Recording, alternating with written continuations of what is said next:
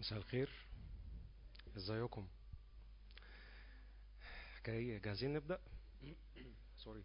جاهزين نبدأ؟ طيب آه، تعالوا نفتح مع بعض مزمور 42 آه، هنقرأ مع بعض كده آيات معينة في المزمور.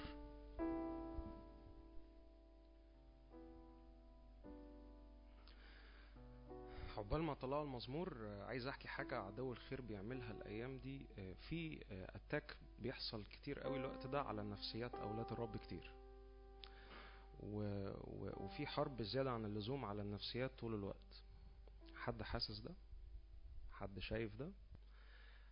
فداود واحد من ضمن الناس اللي اتكلموا في علاج كل attack بيحصل على النفسية. فالمزمور اللي هنقراه مع بعض هنكتشف إنه كل اتاك بيحصل على النفسية بيبقى وراها نقلة كبيرة. هللويا. تعالوا نقرأ مع بعض من أول عدد واحد. بيقول كده كما يشتاق الإيل إلى جداول المياه هكذا تشتاق نفسي إليك يا الله. عطشت نفسي إلى الله إلى الإله الحي. متى أجيء وأتراءى قدام الله. ممكن نروح لعدد خمسة كده بسرعة. بيقول كده هو بقى بيبدأ أهو يتكلم عن النفسية. بيقول كده لماذا أنت منحنية يا نفسي ولماذا تأنين فيا؟ وبعدين راح قال حاجة تانية. قال إيه؟ حد بيقرأ معايا؟ ارتجى الله. ارتجى الله يعني إيه؟ يعني اطلبي الرب. لأني بعد أحمده لأجل خلاص وجهه. فهو ابتدى يعمل كده زي سلسلة. ابتدى يطلب الرب وبعدين ابتدى يعمل حاجة حلوة قوي. ابتدى يعبد. حد واخد باله؟ لأني بعد أحمده فقرر يعبد الرب. فاحنا كتير قوي بنبقى في أوقات النفسية مش أحسن حاجة فبنيجي نقول مش قادرين نعبد. مش بنقول كده. مش قادرين نقول يا رب عايزينك. مش بنعرف نعملها. لكن هو كان استراتيجي قوي. قرر إن هو يخرج بره الدايرة دي. قرر إن هو يعمل حاجة مختلفة. بعدين عدد ستة بيكررها تاني. بيقول له يا إلهي نفسي منحنية فيا. في ذلك أشكرك من أرض الأردن وجبال حرمون من جبل مصعر بص عدد سبعة يقول إيه؟ حد بيقرأ معايا؟ هو غير الموضوع ليه؟ هو غير الموضوع ليه؟ في شفت حصل هنا. أنا عايزكم تركزوا كويس قوي قوي قوي هو واقف قدام الرب عمال يقول له يا رب نفسي منحناه فيا. أنا بختار أعبدك أنا بختار أبص عليك فجأة اتفتح عليه دش من غمر الروح القدس. حد قال هللويا؟ حد فاهم حاجة؟ لما ابتدى يعبد ويدخل في الجو بتاع الحضور الإلهي فوجئ إن في غمر هو بيستقبله. بص يقول إيه غمر ينادي غمر عند صوت ما يزيبك. بص يقول إيه كمان كل طياراتك ولججك طمت عليا. لما جيت دورت على كلمة طياراتك ولججك لقيتها كل شلالاتك جت عليا. هو إيه اللي حصل مع مع كاتب المزمور؟ حصل معاه بريك ثرو حد خد باله؟ عمال يقول للنفسية أنا مش أحسن حاجة. فجأة استقبل غمر هو ده اللي هيحصل معانا بعد شوية.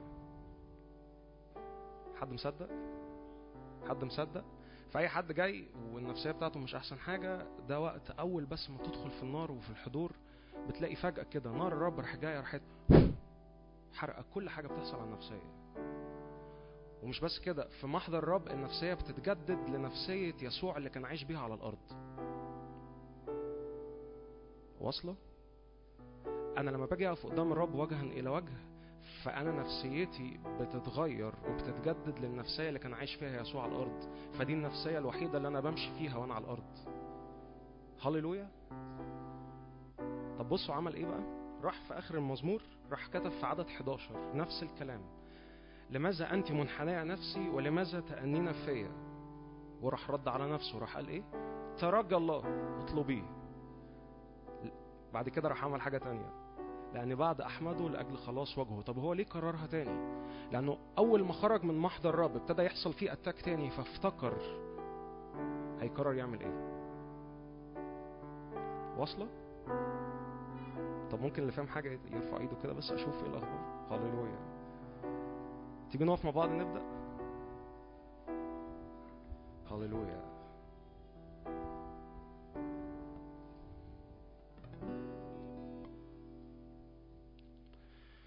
عايزك تغمض عينك كده في الدقايق دي وتغمضي عينك كده وتختار انه تقول له يا رب أنا بطلب حضورك. أنا بختار أعبدك. أنا بختار أنسى أي حاجة أنا داخل بيها. أي حاجة مشوشرة على مشاعري أي حاجة مشوشرة على ذهني أي حاجة مشوشرة على أفكاري. أنا بختار دلوقتي كده أحطها على جنب كده وأطلبك ترجى الله يا نفسي. داود كان دايما طول الوقت بيكلم نفسه باركي يا نفس الرب ارتجى الله يا نفسي. ليه؟ لأنه عايز نفسيته طول الوقت عايزة تبقى واقفه قدام الرب طول, طول الوقت. بابا اؤمن كده إنه إنك تتقل حضورك علينا الوقت ده على كل حد هنا عايز يتقابل معاك وعايز اشوفك أنا بعلن كده في نور وجهك حياة وإحنا بنعبدك في بداية الوقت ده كده. كل حد موجود يدخل للعمق ده بسرعة إنه غمر ينادي غمر عند صوت ميازيبه كل طياراتك ولججك كل شلالاتك تيجي على كل حد هنا عطشان تيجي على كل حد هنا محتاج. أشكرك من أجل غمر من المية يجي على ناس كتير قوي هنا. أنا بصلي تقل حضورك علينا تقل تقل تقل تقل حضورك على نفسياتنا تقل حضورك على أجسادنا. أنا جاي بعلن كده إن إحنا الوقت ده بنقف قدامك جايين نعبدك بالروح والحق لأنك مستحق. خد كل حد فينا خد كل حد فينا إلى اعماق جديدة ما اختبرهاش قبل كده. عايز أشجعك كده ادخل ادخل وادخلي ادخل محضر الرب بسهولة.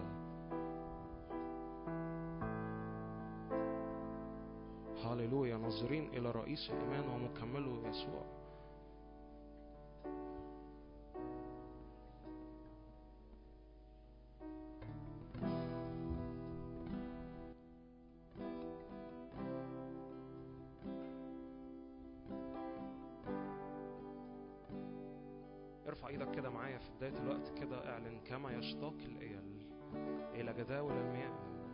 هكذا تشتاق نفسي إلى الرب.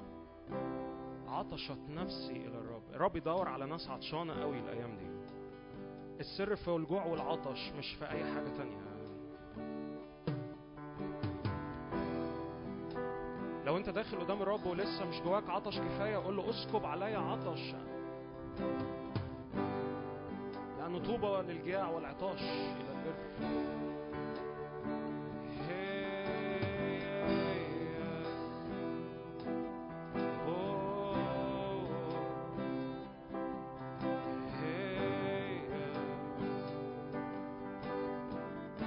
ادخل في الروح ما تستناش ترنيمة ادخل ادخل.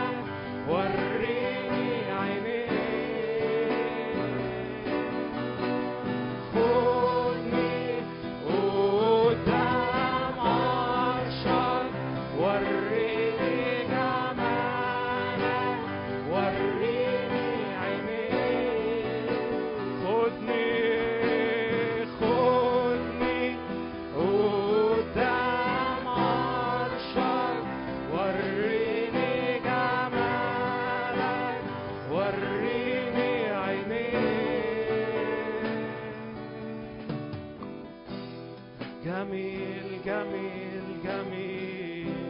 عظيم عظيم عظيم. يسوع.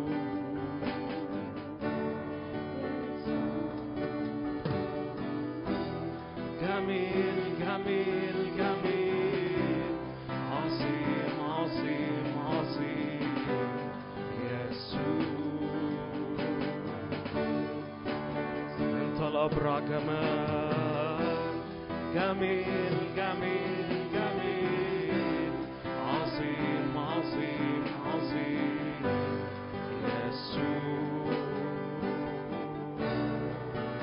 عظم الرب واعلن إنه جميل. جميل جميل. عظيم.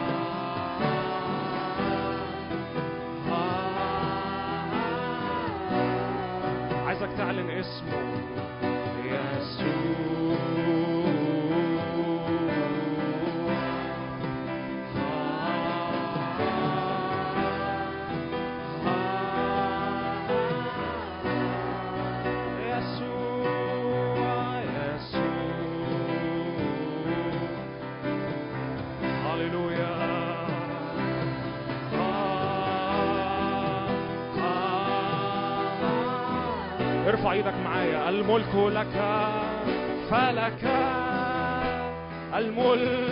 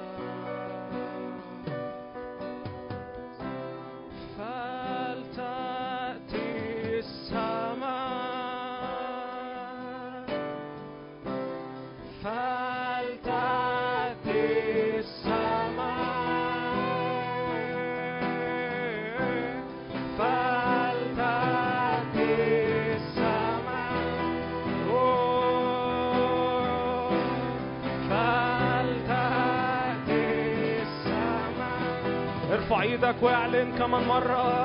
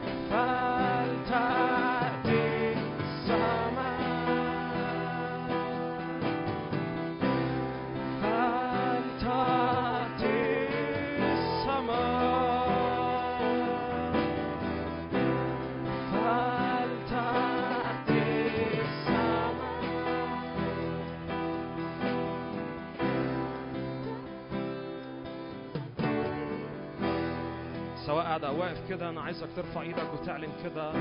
بل قد أتيتم إلى مدينة الله الحي إلى أورشليم السمائية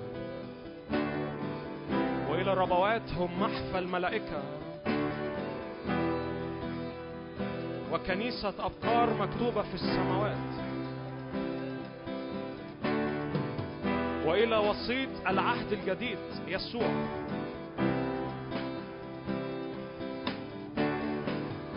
بنعلن كده زيارات من السماء هنا وسطينا. وإلى أرواح أبرار مكملين. بنعلن إن إحنا مش لوحدنا لكن بنتحد مع السماء أشجعك كده لو قاعد كده أقف كده عظم الرب أقف عظمي الرب. واعلن كده إنك واقف مع كل السماء بتبارك اسم الرب.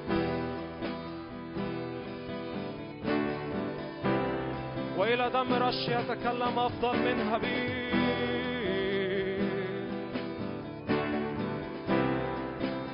بنرحب بكل ضيوف جاية من السماء.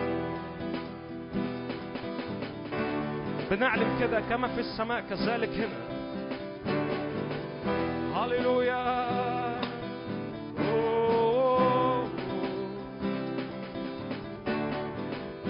شاور على يسوع كده ليه كل الإكرام. ليك كل المجد. هو ساكن وسط تسبيحاتنا.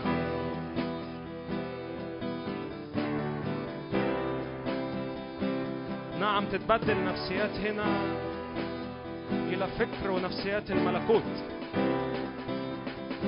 حضور الرب ولهيب الرب يحرق كل أمور عدو الخير حطها عليك وعليك.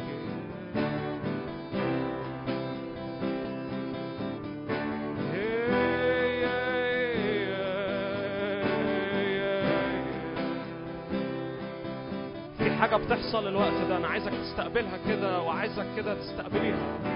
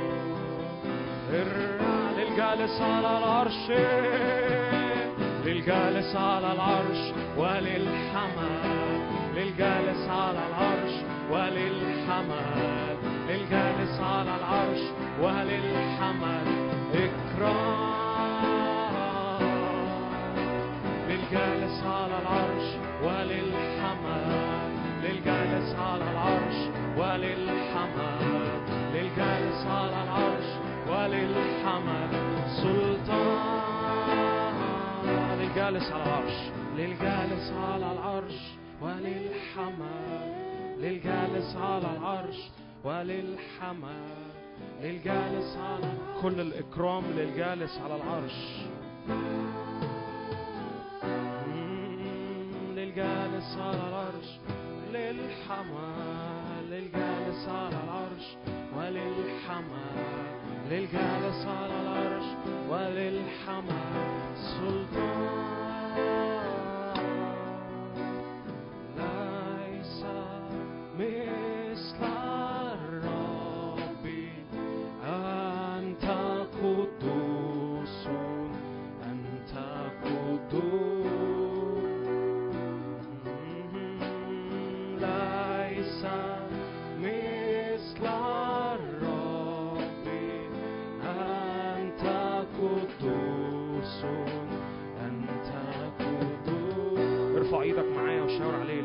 ليس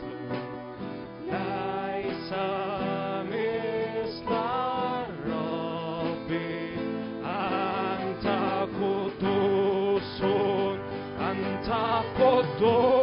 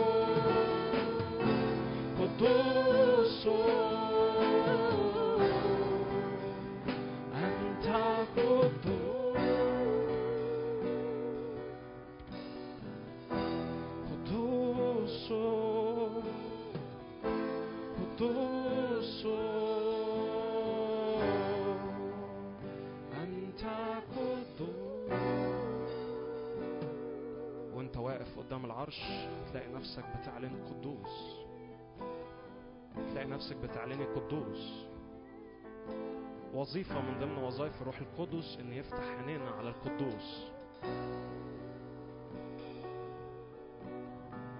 موسى قال كده أميل لأنظر هذا المشهد العظيم.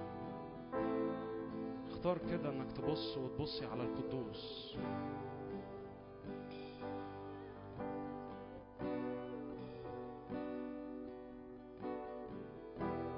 مكانك كده وانت في مكانك كده أعلن قدوس قدوس قدوس. الرب الإله القادر على كل شيء الذي كان والكائن والذي يأتي. مكتوب كده حينما تعطي الحيوانات مجدا وعزا وكرامة وشكرا للجالس على العرش. يخر ال 24 شيخ قدام العرش ويطرحون أكللهم ويصرخون أنت مستحق أيها الرب. أن تأخذ المجد والحكمة والقدرة والكرامة والسلطان. يوحنا قال كده وسمعت صوت ملائكة كثيرين حول العرش قائلين مستحق هو الخروف المذبوح أن يأخذ كل القدرة والكرامة والحكمة والسلطان. أنا عايزك تبارك الرب عايزك تبارك الرب بطريقتك الخاصة. وقفتك في الزمن ده من العبادة بتكسر كل حروبات على النفسية بسهولة جدا لأنه الملكوت الرب ملكوت قوة. ملكوت الرب ليس كلام ملكوت الرب ليس أكل أو شرب. ملكوت الرب بر سلام فرح قوة. فمد إيدك كده مدها كده قدام العرش واستقبل بر سلام فرح قوة الوقت ده.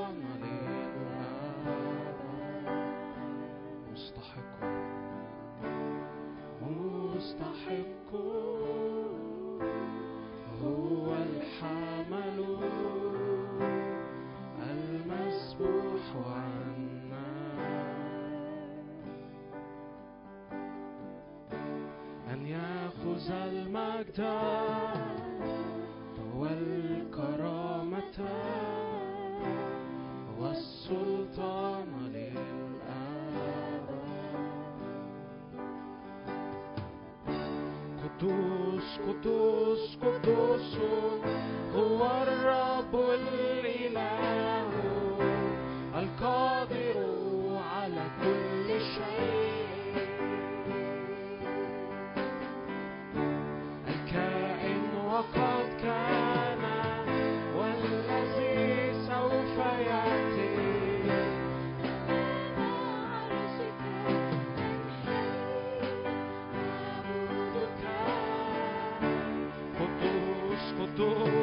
قدوس قدوس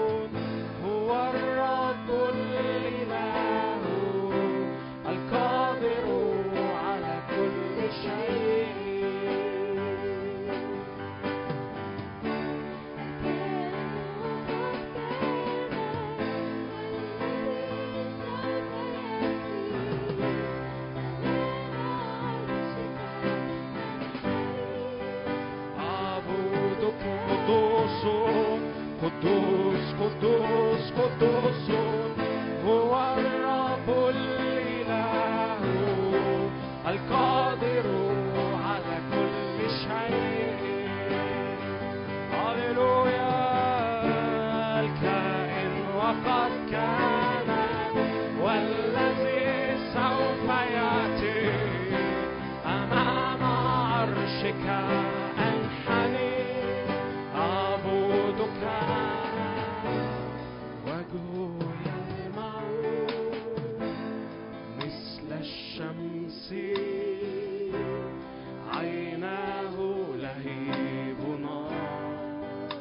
صوت مياه كثيرة. صوت صوت مياه كثيرة. صوته يخلق الحياة. وجهه يلمع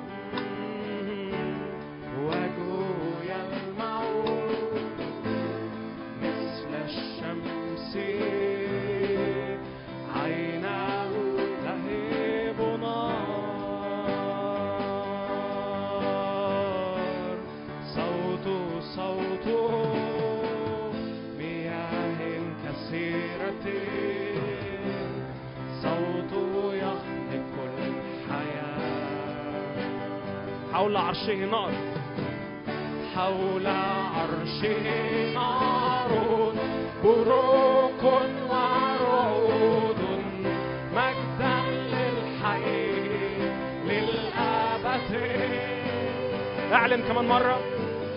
حول عرشه نار بروق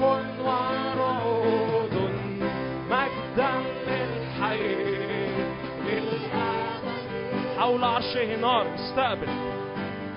حول عرشه نار بروق ورعود مجدا للحي للأبد قدوس قدوس قدوس قدوس هو الرب الإله القادر.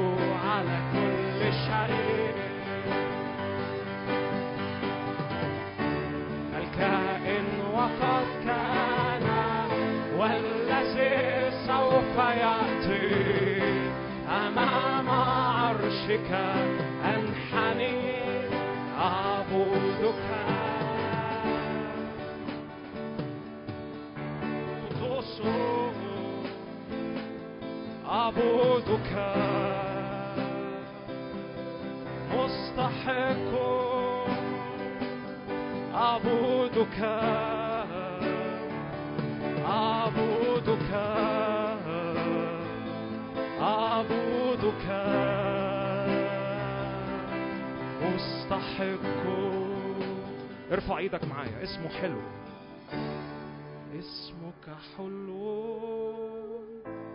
يسبي قلبي ويملأني عجبا. عجيبة هذه المعرفة. اسمك حلو. يسبي قلبي ويملأني عجبا داود قال كده عجيبة هذه المعرفة فوق ارتفعت. اسمك حلو. يسبي قلبي ويملأني عجبا يسوع اسمه قوة يسوع اسمك قوة نهر مياه حية. اسمك سر عجيب يسوع اسمك قوة نهر مياه حية. اسمك سر. كم حد محتاج قوة الوقت ده؟ ارفع إيدك واستقبل كده. اسمه يسوع اسمك قوة. نهر مياه حية. اسمك سر عجيب قولها كمان مرة وانت بتسقف لاسمه القدوس. يسوع اسمك قوة.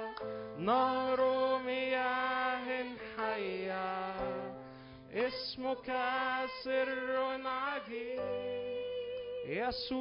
يسوع يسوع اسمك قوة نار مياه حية اسمك سر عجيب يسوع اسمك قوة يسوع اسمك قوة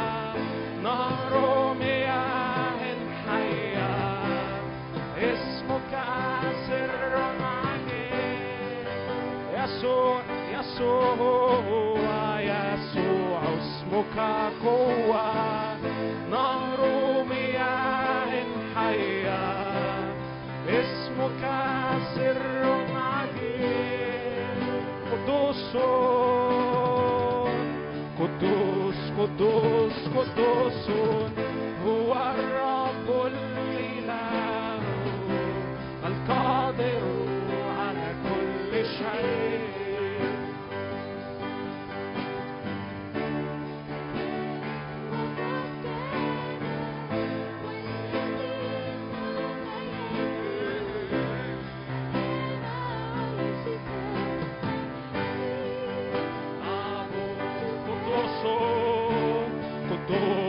قدوس قدوس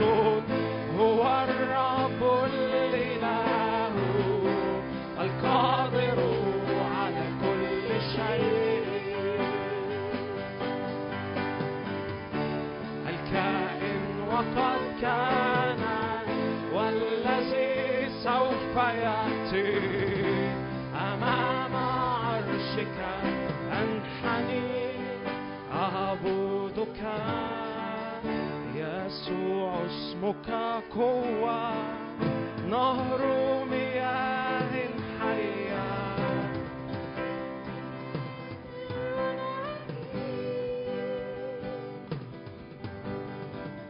يسوع اسمك قوة نهر مياه حية. اسمك سر عجيب. والفريق كده وهو بيقول يسوع اسمه قوة أنا شايف النهر اللي موجود في العرش نازل هنا. أشجعك ارفع إيدك معايا لو تحب. أنا بستقبل من النهر اللي في العرش. في شلالات مية نازلة هنا. غمر ينادي غمر. يسوع اسمك قوة.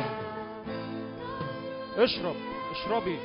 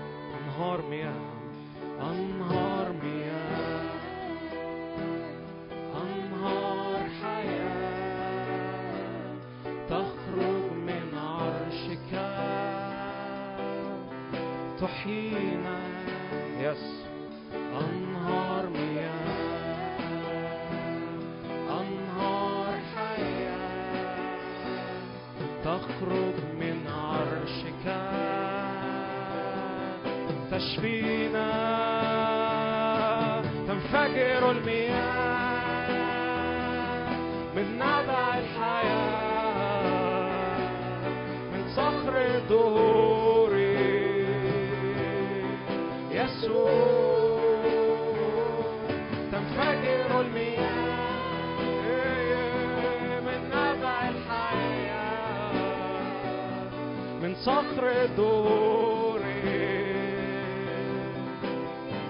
تعطي حياة تعطي حياة.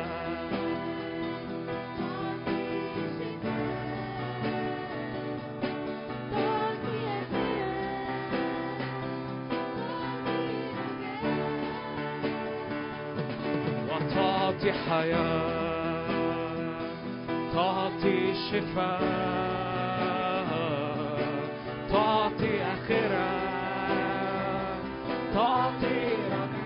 tanfager, tanfager, tanfager, tanfager me.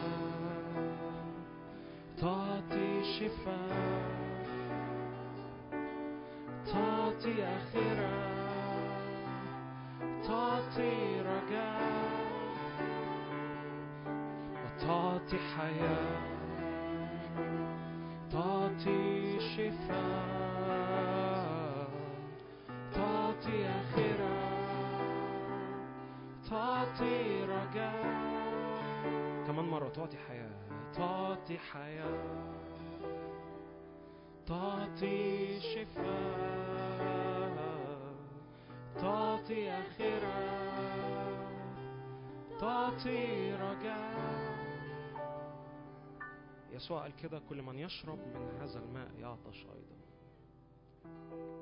المية اللي منسكبة من عند يسوع بتخليك ما تشربش من أي حتة تانية. فارفع إيدك كده وقول أنا بشرب من المية اللي نازلة من يسوع. أنا بشرب من يسوع. نهر المياه اللي خارج أنا بشرب منه. نهر المية يروي كل عطش كل جفاف في حياتي وحياتك ويحوله إلى ينبوع. فنبقى غرسين عند مجاري المياه.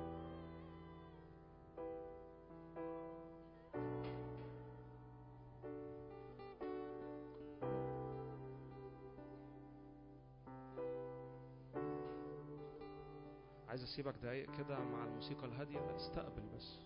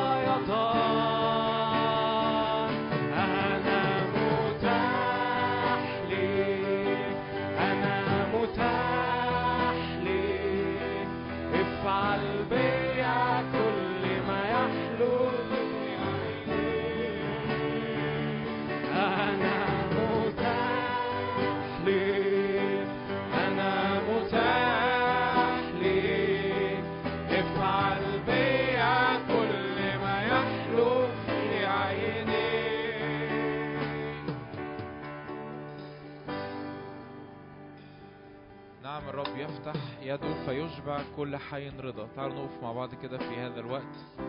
قول له نعم يا رب أشكرك لأنه افعل بيا كل ما يحلو في عينيك. يا رب نؤمن يا رب سكيب يا رب مياه كثيرة على حياتنا في اسم رب يسوع.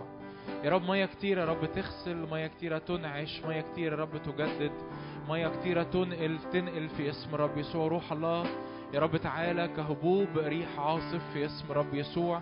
تغير يا رب أجواءنا تغير يا رب طرق تفكيرنا تغير مشاعرنا تغير يا رب كل أمور محملين بيها في اسم الرب يسوع. نعم يا رب ترسل روحك فتخلق وتجدد وجه الأرض. أشكرك لأنك يا رب نعم بترسل روحك فتخلق وتجدد وجه الأرض قول يا رب أشكرك لأنك تجدد يا رب أمور حياتي تجدد أمور مشاعري تجدد يا رب أمور أفكاري تجدد يا رب ذهني تجدد يا رب كل أمور قديمة محمل بيها في اسم الرب يسوع نعم يا رب أشكرك لأن كل ما يأتي إليه النهر يحيا لأن كل ما يأتي إليه النهر يحيا يا رب النهر يا رب بيأتي لل... للسمك بيأتي يا رب للبحيرات بيأتي يا رب للأشجار اللي ماتت يا رب وكل ما يأتي إليه النهر يحيا وكل يا رب مكان يا رب حيث يدوب النهر يحيا في اسم رب يسوع. لأنك بتأتي يا رب وبتشفي وبتطلق شفاء وبتطلق حرية وبتطلق سلام وبتطلق نعمة إلهية في اسم الرب يسوع روح الله. اعتش معايا كده لأنه لأنه الرب مكلمنا عن حركة من روح القدس والرب مكلمنا عن أمور رب عايز يصنعها وسطينا فمد إيدك قدامك قول يا رب أنا بفتح كل قلبي وكل إنائي يا رب لأجل سكيب يا رب لأجل عمل عميق يا رب في قلبي وفي نفس نفسي وفي مشاعري. يا رب لأجل عمل عميق يا رب يحررني ويكسر رب كل ربط العدو على حياتي في اسم رب في اسم الرب يسوع. يا رب نؤمن يا رب لعمل عميق يا رب بحرية من حركة روح قدس وسطينا في اسم الرب يسوع. نؤمن نؤمن نؤمن. نؤمن روح الله نؤمن نؤمن بحركة من روحك من عملك وسطينا. يا رب من سكيب خاص يا رب في هذا اليوم في اسم يسوع. من سكيب خاص يا رب في هذا اليوم في اسم يسوع. روح الله بندي لك المساحة بندي لك الحرية إنك تتحرك في اسم يسوع.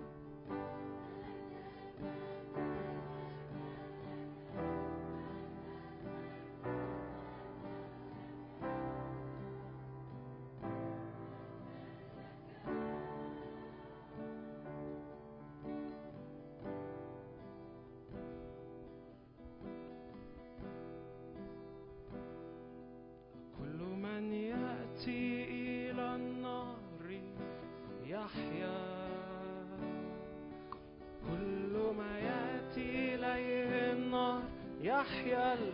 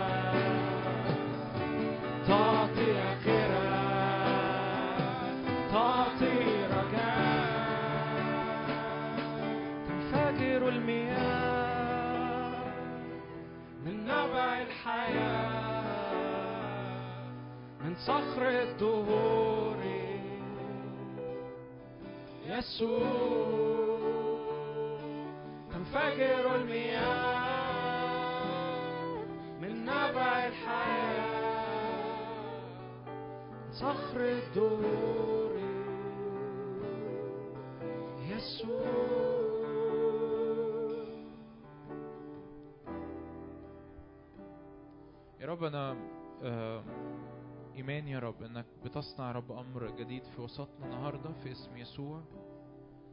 أنا بعلن كده في اسم يسوع. نفسي نفسي على الأقل تتحد معانا حتى لو عندك إيمان للطلبة أو ما عندكش إيمان.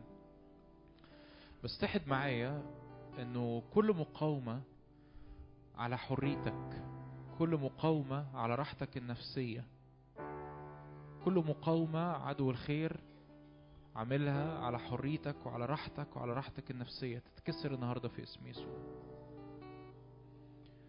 يا رب أنا أؤمن إنك تريد يا رب إنك تسكب مية كتيرة ومية عميقة على حياتنا على نفسياتنا على أفكارنا على طرقنا ولا يبقى ظلف تحت يا رب سيادة من العدو في اسم يسوع. لا يبقى ظلف تحت السيادة من العدو في اسم رب يسوع. يا رب أنا بصلي قبل يا رب ما تنقل لنا كلمات انقل لنا قلبك انقل لنا أحشائك انقل لنا أفكارك انقل لنا يا رب عمل الروح القدس العميق اللي بيصنع اللي بيزور اللي يا رب بيفتح القلب اللي بيكشف القلب في اسم يسوع. روح الله أنا بصلي تعالى ضع إيدك أنت على كل قلب هنا على كل نفسية مضطربة على كل ذهن منزعج. في اسم رب يسوع على كل رب أفكار خوف على كل رب أفكار اكتئاب. في اسم رب يسوع على كل قيود مرتبطة بخطايا مرتبطة يا رب بنجاسات مرتبطة يا رب بأي أمور إدمانات. في اسم رب يسوع. روح الله بصلي إنك تأتي علينا بزيارة النهاردة في اسم يسوع. أنت قلت يا رب إن كل ما يأتي إليه نهر يحيا. كل ما يأتي إليه النهر يحيا. يا رب أنا أؤمن إن كل ما يأتي إليه النهر يحيا وأؤمن إنك عايز تسكب نهرك وسطينا النهاردة في هذه الليلة في اسم رب يسوع. يا رب ما جيناش يا رب كامل قوم عادة ما جيناش يا رب لحضور اجتماع حتى وإن كان ده جميل لكن إحنا جايين نتقابل مقابلة شخصية عميقة معاك. وارتماوس الأعمى جري ورا الرب يسوع قال له يا ابن داوود ارحمني.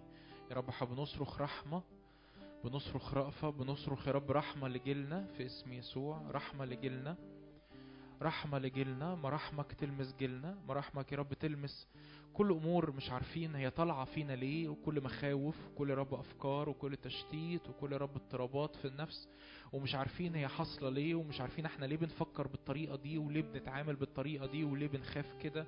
وليه بنكتئب كده يا رب إحنا بنصرخ يا ابن داود ارحمنا في اسم رب يسوع بنصرخ يا ابن داود ارحمنا في اسم يسوع.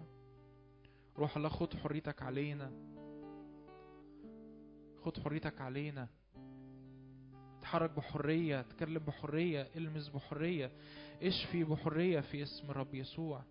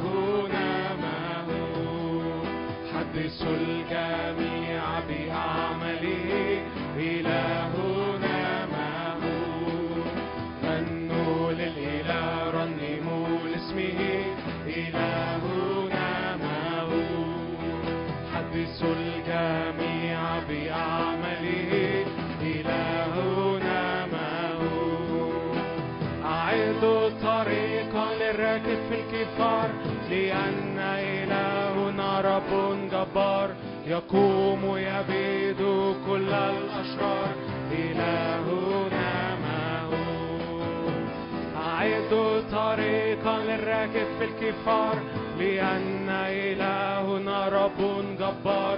يقوم يبيد كل الأشرار إلهنا مهوب إلهنا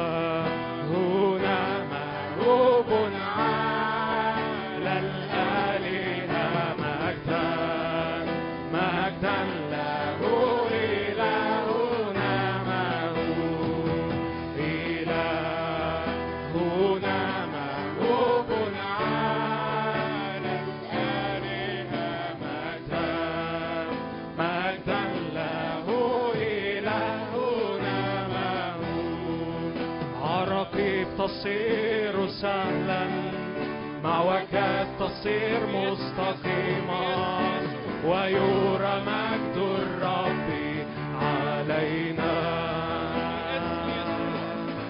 عراقيب تصير سهلا معوجات تصير مستقيمة ويرى مجد الرب علينا صوت صارخ صوت صارخ في المجد أعدوا طريق الرب كل جبل في الكفر.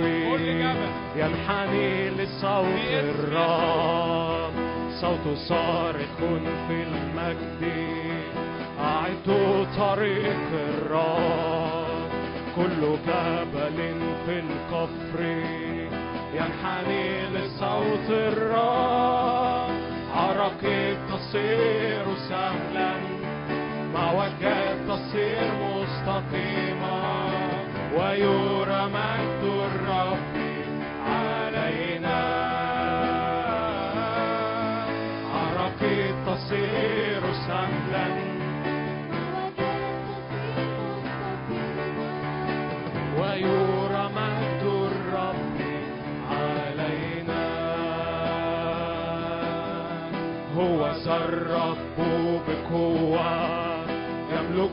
في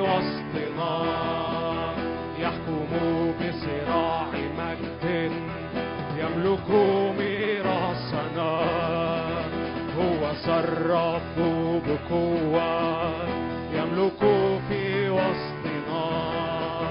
يحكم بصراع مجد يملك ميراثنا. تصير سهلا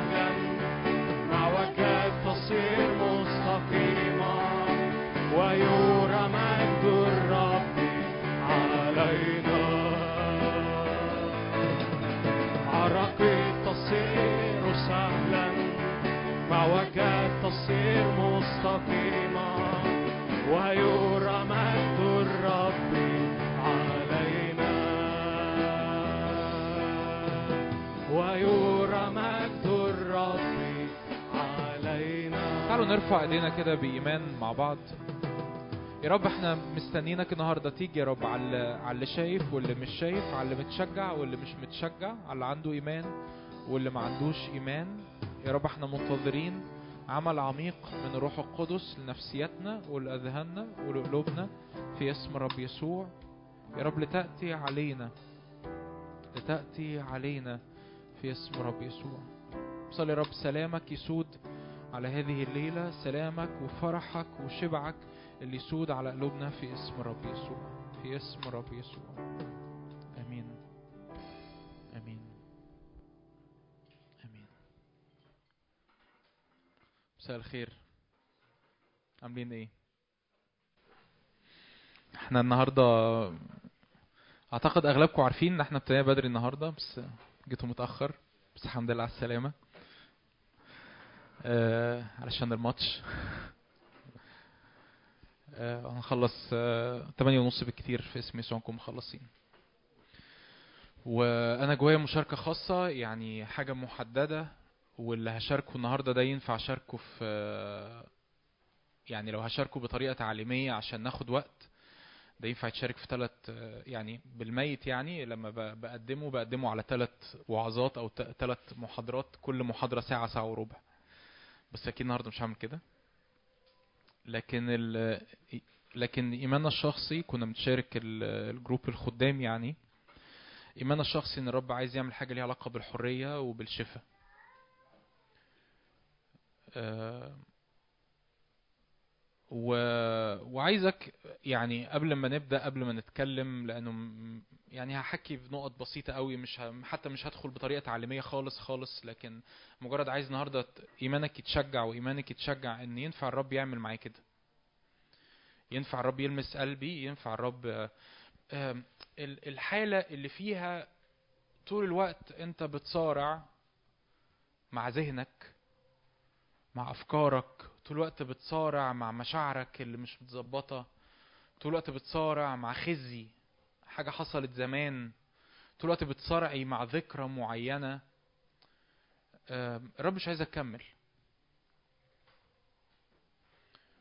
وأنا بصلي إنه إنه الرب إنك ما تسمعش قوي ال- الكلام على قد ما يكون قلبك يتملي إيمان. علشان تتوقع لمسة من الرب في وقت الصلاة اللي بعد الكلمة. آمين. ان إن على طول دماغي مليانة دوشة. إني على طول مشاعري فوق وتحت. إن على طول عندي حاجات بقى ليها علاقة بالماضي ليها علاقة بخزي ماضي ليها علاقة بحاجات في تربيتي ليها علاقة ب... ب... ب... يعني تورمنت. بحس إن أنا متعذب طول الوقت. فمش بتكلم بس على البعد بتاع إن في خطية في حياتي أو في قيد في حياتي أو في سلوك في حياتي فأنا فأنا بعمل خطية معينة وحاسس إن أنا متقيد من خطية فأنا عايز أتفك منها. الحقيقة دي أقل حاجة أنا مشغول بيها النهاردة. يعني دي دي آخر حاجة أنا مشغول بيها النهاردة. لأنه في الغالب ال- القيود وال- والسلوكيات دي بتبقى طالعة أصلا من قلب موجوع. بتبقى في الغالب في حاجات جوايا محتاجة تشبع محتاجة تتقابل بعمق. نفسيتي ومشاعري وأفكاري محتاجين يتجددوا محتاجين يتلمسوا من الرب. فبلاقي إنه إنه إنه مرة بعد مرة وأنا في العلاقة مع الرب وبندق في العلاقة مع الرب ففي سلاسل بت- بتتفك وفي سلاسل بتقع. لكن اللي مشغول بيه النهارده أكتر هو ال... الإنزعاج. العذاب يعني هو هي دي الكلمة العذاب. يعني حاسس متعذب يعني حاسس ان إن أنا أنا أغلب الوقت أنا مش متصالح مع أفكاري. أنا أغلب الوقت مش متصالح مع مشاعري. أغلب الوقت في حاجة غلط. آه، متشتت متشوش خايف آه، بصارع مع اكتئاب يمكن بصارع مع فشل بصارع مع حاجة قديمة حصلت والذكرى بتاعتها بت بتطاردني طول الوقت. آه، حاجة حصلت مع أهلي حاجة حصلت مع مع مع صاحب أو صاحبة ليا حاجة ح- كنت في علاقة مع بنت أو أنا بنت في علاقة مع ولد وحصل حاجات مش مش مظبوطة فشاعر إن في خزي وحاجة بتطاردني طول الوقت وحاسس إن أنا متربط وحاسس إن أنا مقيد وحاسس إن أنا اللي هو يعني إمتى هخلص من الكابوس ده؟ إمتى هخلص من- يعني لإمتى هفضل اللي ب... فاهمين أنتوا فاهمين قصدي يعني. يعني عارف أنتوا متنحين بس أنا عارف أنتوا فاهمين قصدي. لإمتى هفضل حاسس إنه نفس ال... هي نفس الفكرة بتجيبني ورا. نفس المشاعر بتجيبني ورا. أنا ال- ال- اللي اللي يعرفني وال- واللي اتكلم معايا قبل كده أنا اؤمن جدا بالسكك. يعني ما عنديش أي مشكلة في السكك وفي التلمذة وفي التشكيل الروحي واليومين دول بدرس مشورة وقصص يعني. فبحب ده جدا لكن برضو عندي إيمان جدا في اللمسة الإلهية. وما عنديش أي تعارض ما بين ده وما بين ده. عارف إن ربنا مع انه إنه ربنا الرب يحب قوي يستخدم السكك الطويلة. ما عندوش أي مشكلة. أنا شخصيا في حاجات في حياتي أبرئت بسكك. و- وخدت فيها وقت وخدت فيها مجهود و... و... وخدت فيها اتعلمت فيها حكمة بطرق مختلفة ودرست وقعدت قعدات وعملت وعملت. لكن برضو في حاجات في حياتي الشخصية أبرئت. بزيارة أبرئت إني عرفت هو أنا ليه بتصرف كده هو أنا ليه ب... آه، يعني ما كنتش ناوي أشارك أو يعني مش كاتب أي حاجة زي كده بس بس إحدى القصص مثلا الشخصية اللي في حياتي اللي مرتبطه ب- بزيارة إلهية إن كان عندي مشكلة ضخمة مع الإنجاز إني لازم إن قيمتي جاية من الحاجات اللي بعملها. والرب في وقت معين في موسم معين في حياتي في 2014 من 8 سنين دلوقتي ده ما بقاله كتير من 8 سنين دلوقتي آه، الرب عمل معايا مقابلة. وفكرني بمشهد معين وأنا طفل حاجة معينة حصلت لي علاقة بمقارنة والرب قال لي هي الق- القصة كلها جاية من هنا. ولأني اتصالحت مع المشهد ده ولأني اتصالحت مع فكرة إنه أيوه يا رب فعلا. أنا أنا باخد قيمتي من ال من البرفورمانس إني أعمل حاجة. باخد قيمتي من إني أعمل حاجة كويسة. ولو ولو ما ما بعملش حاجة بشد في شعري. أيام ما كان عندي شعر. بحس الدنيا صعبة بحس الدنيا سودة بحس إن أنا ملياش قيمة. وهو أنا قيمتي في الفيا ولا في اللي أنا بعمله. وجزء مهم يعني أنا هقول كلام زي ما قلت لك مش هقدر النهارده أقدم تعليم مترتب. هقول شوية نقط مترتبة بس مش هقدر أقدم تعليم متكامل. لأن الموضوع ليه أبعاد نفسية الموضوع ليه أبعاد روحية هلمس في حاجات كده خفيفة. فهحكي كده حاجات لأنه أنا أنا هدفي النهارده للصلاة مش مش للتعليم. آه، في اسم يسوع عندنا يوم قريب نعمل فيه حاجة زي كده مكثفة يعني. إحدى الحلول إن أنت تعترف. يعني إحدى الأمور اللي بتدي مساحة للرب إنه يشفي. إني أعترف إنه يا رب أنا ف... أنا فعلا حاسس الناس ما بتحبنيش. أنا فعلا حاسس إن أنا آه، عاي- عايز أحب من الناس عايز أحب عايز أقبول من الناس. أنا فعلا حاسس إنه أنا قيمتي في الفلوس. أو أنا قيمتي في ال- في الأشياء. أو أنا قيمتي في الممتلكات. أو أنا قيمتي في الخدمة. هموت أمسك مايك. نفسي أمسك مايك. أو أنا قيمتي في, في, مش لازم قيمتي حاسس إن أنا حزين أنا حاسس يا رب فعلا إن أنا حزينة. ويمكن بداري الحزن ده أو يمكن بداري ال- اليأس أو بداري إحساس الفشل بأفعال خارجية أو أو بردود أفعال قدام الناس فطول الوقت مبين حاجة معينة. بس أنا يمكن يمكن يكون يمكن يكون العذاب اللي جواك النهارده إنك بالرغم إنك موجود في الاجتماع بس بس عمرك ما حسيت بالإتصال الحقيقي مع الرب. إنك عايز الرب نفسك تتقابل مع الرب. عايز عايز بص الناس اللي حواليك تحس إن أنا عايز أحس أنا في يوم يعني برضو قصة تانية. اللي جابني للرب إني كنت في مؤتمر وكنت مع إنجي. كانت مجموعة مجموعة من أيامها كنت في جامعة كنت في أولى جامعة. اللي جابني للرب إني كنت في وسط مجموعة بتحب الرب وحسيت إن أنا مش عارف أحب الرب زيهم. مش أنا مش أنا أنا حاسس إن هما بيحبوا الرب بطريقة مختلفة. وقلت له يا رب قلت له أنا ودي كانت صلاتي اللي جابتني للرب. قلت له يا رب أنا أنا أنا أنا أنا عايز أحس بيك زي ما هم بيحسوا بيك. يمكن بداية الاعتراف انك إنك تبطل تحاول إنك إنك تبطلي تحاولي. وطبعا بقول كلام كتير قوي ينفع يتاخد في أوقات كتيرة قوي بس أنا بس معلش يعني إحنا هدفنا الصلاة. إنك تبطلي تحاولي إنك تبطل تحاول تبقى كويس. إن إنك تبطل تحس إنك ت... إنك كويس.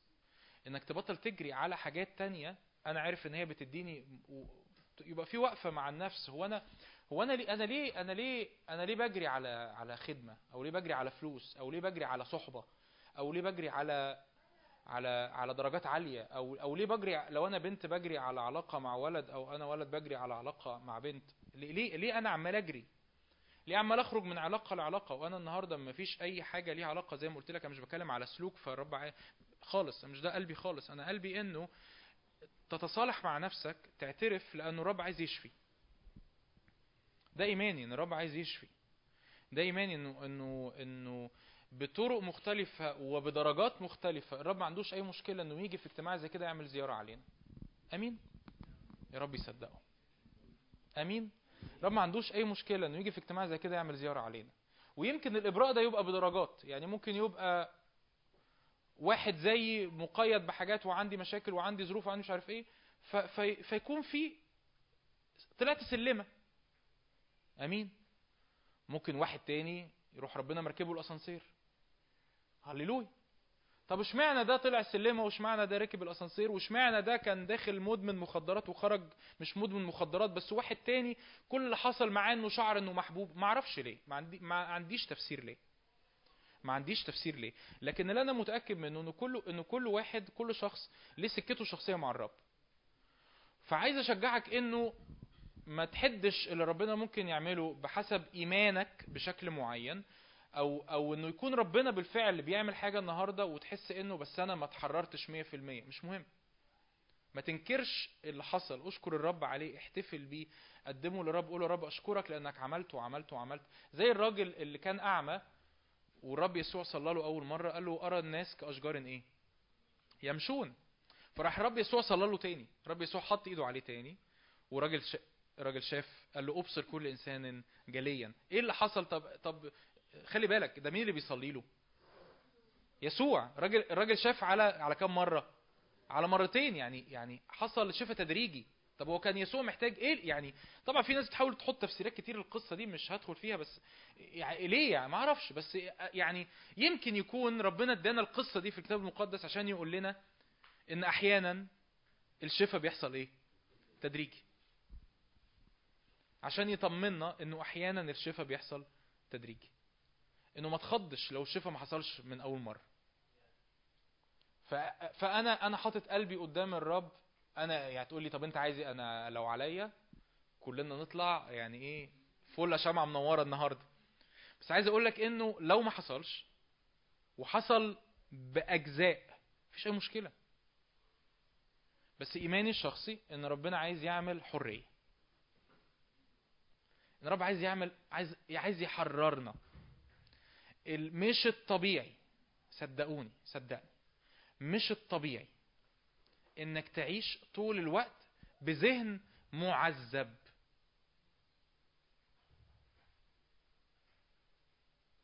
ده الطبيعي في العالم.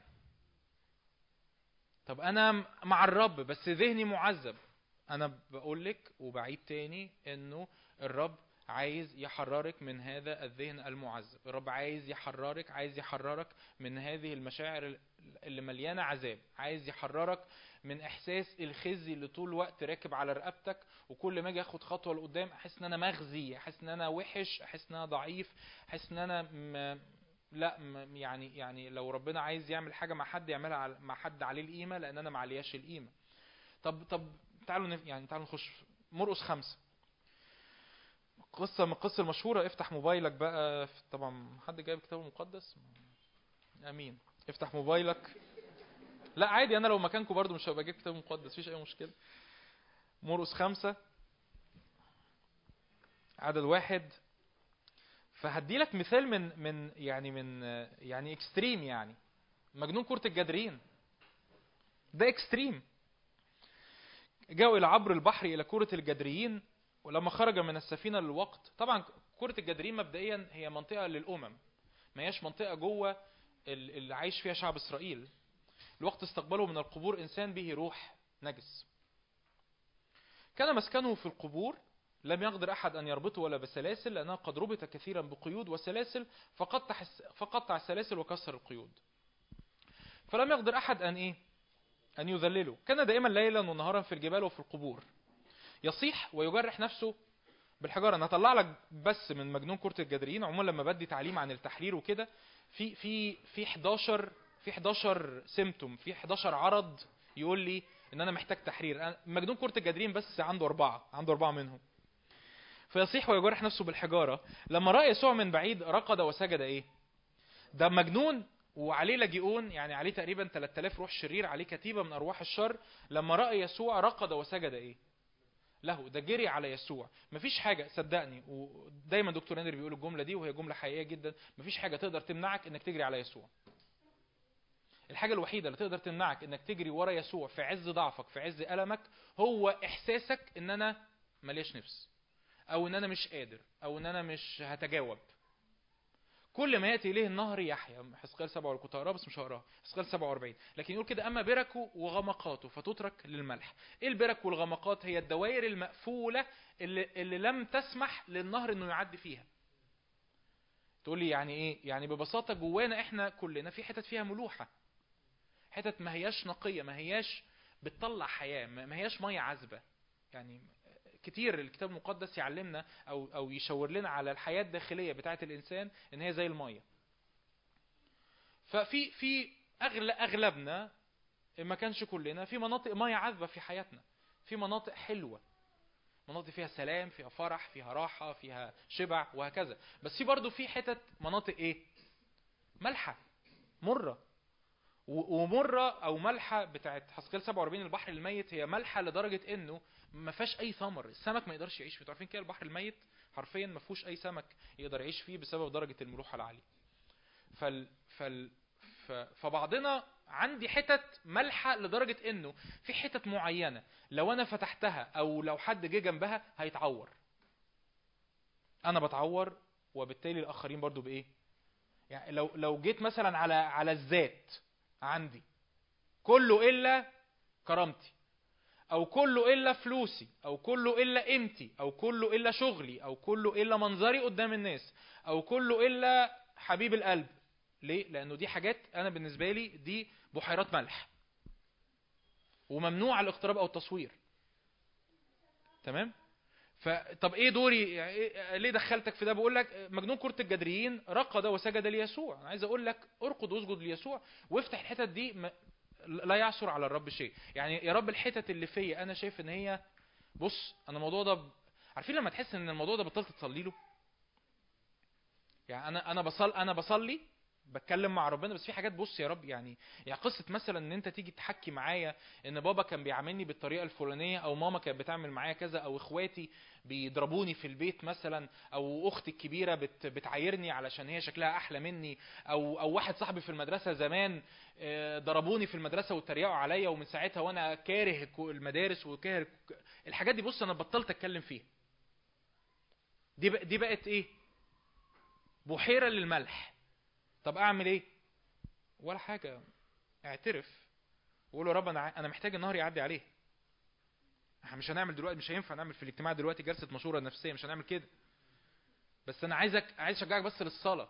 إنك تقول يا رب أنا عايز نهر الروح القدس يعمل إيه؟ يعدي عليه. لأنه الرب الروح القدس عنده شفاء. وحتى لو البحيرة المالحة ما تحولتش مية عذبة 100% بس على الأقل نسبة الملوحة هتقل. أمين؟ على الأقل. على الأقل. نسبة الملوحة نسبة الوجع أو نسبة المرار اللي طالع من البقعة دي قل. الرب يتعامل معاه في مرات تانية يخلصه تدريجي يجي في زيارة تانية يخلصه مرة واحدة يجي وأنا بقرأ كتاب ولا ولا بسمع حد ولا ولا قاعد حتى مع مشير ولا قاعد مع خادم ايا كان ويحصل شفاء كامل أمين. لكن ما تمنعش ابدا إن نهر الروح القدس يعدي على نفس الحتت مرات ومرات. فصرخ بصوت عظيم وقال ما لي ولك يسوع ابن الله العلي أستحلفك أن لا تعذبني لأنه قال له أخرج من الإنسان يا أيها الروح الإيه؟ النجس. عايز أنط معاك عشان ما أقراش كتير. طبعا الأرواح الشريرة خرجت دخلت في الخنازير. الخنازير سقطوا غرقوا في البحر. عدد 15 جاءوا إلى يسوع فنظروا المجنون. ماله؟ الذي كان فيه لاجئون جالسا ولابسا وعاقلا فخافوا. فحدثهم الذين رأوا كيف جرى المجنون عن الخنازير فابتدأوا يطلبون إليه أن يمضي من تخومهم. ولما دخل السفينة طلب إليه الذي كان مجنونا أن يكون معه. لم يدعه يسوع بل قال له اذهب إلى بيتك وإلى أهلك واخبرهم كم صنع الرب بك وإيه.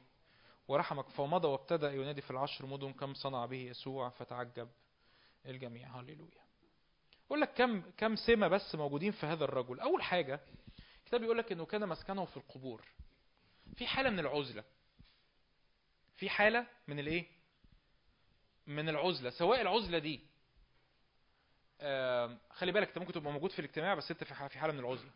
ممكن تبقى قاعد وسط الناس بس أنت ما حدش يعرف عنك حاجة. أنا في حالة من العزلة. أنا مش عايز مش عايز أدخل حد في حياتي وأنا مش عايز أدخل في حياة حد. أو ممكن يكون في بعض الأجزاء في حياتي يعني ممكن يكون هو على على بعض كده أنا ساكن في القبور. أو ممكن يكون في حتت معينة في حياتي هي في حالة إيه؟ يعني أنا أنا أنا بدخل الناس في حياتي لحد حدود معينة. مش بقول لك ما يبقاش عندك حدود أنا لكن بتكلم على حتى أقرب الأقربين ليك الناس اللي أنت بتحبهم بتثق فيهم أصدقائك القريبين قوي أو أهلك في البيت إخواتك أو خادم بيخدم حياتك في حاجات كده معينة أنا بحكيهاش. ففي نوع من الإيه؟ ده, ده عرض. العرض ده بيظهر إيه؟ إن في نوع من ال- المرارة أو الألم أو الوجع أو القيد في حياتي أنا ما بص الحتة دي ما أقدرش أدخل فيها حد.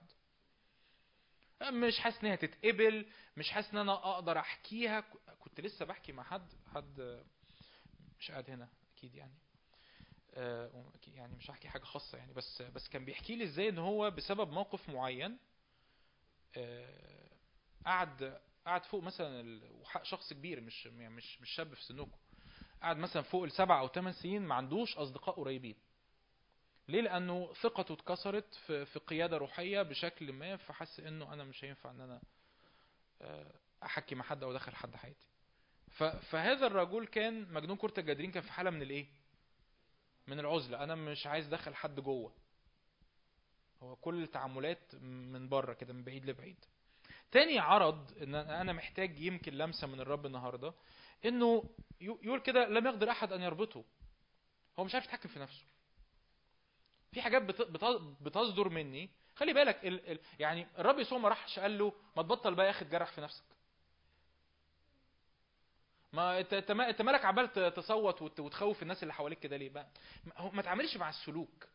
ما هو ده السلوك. هما بيربطوه ليه؟ يعني هو بيجرح نفسه بالحجارة وأكيد كان بيرمي الناس بالحجارة. يعني أكيد كان كان عامل تهديد في المنطقة. هم ربطوه لأن هم خايفين منه. الرب يسوع لم يتعامل مع السلوك. صح ولا إيه؟ وعايز أقول لك م- القصة مش في السلوك. القصة إن السلوك بيبين لي إن في مشكلة. يعني أنا أنا عمال أدخل في نفس الدوائر.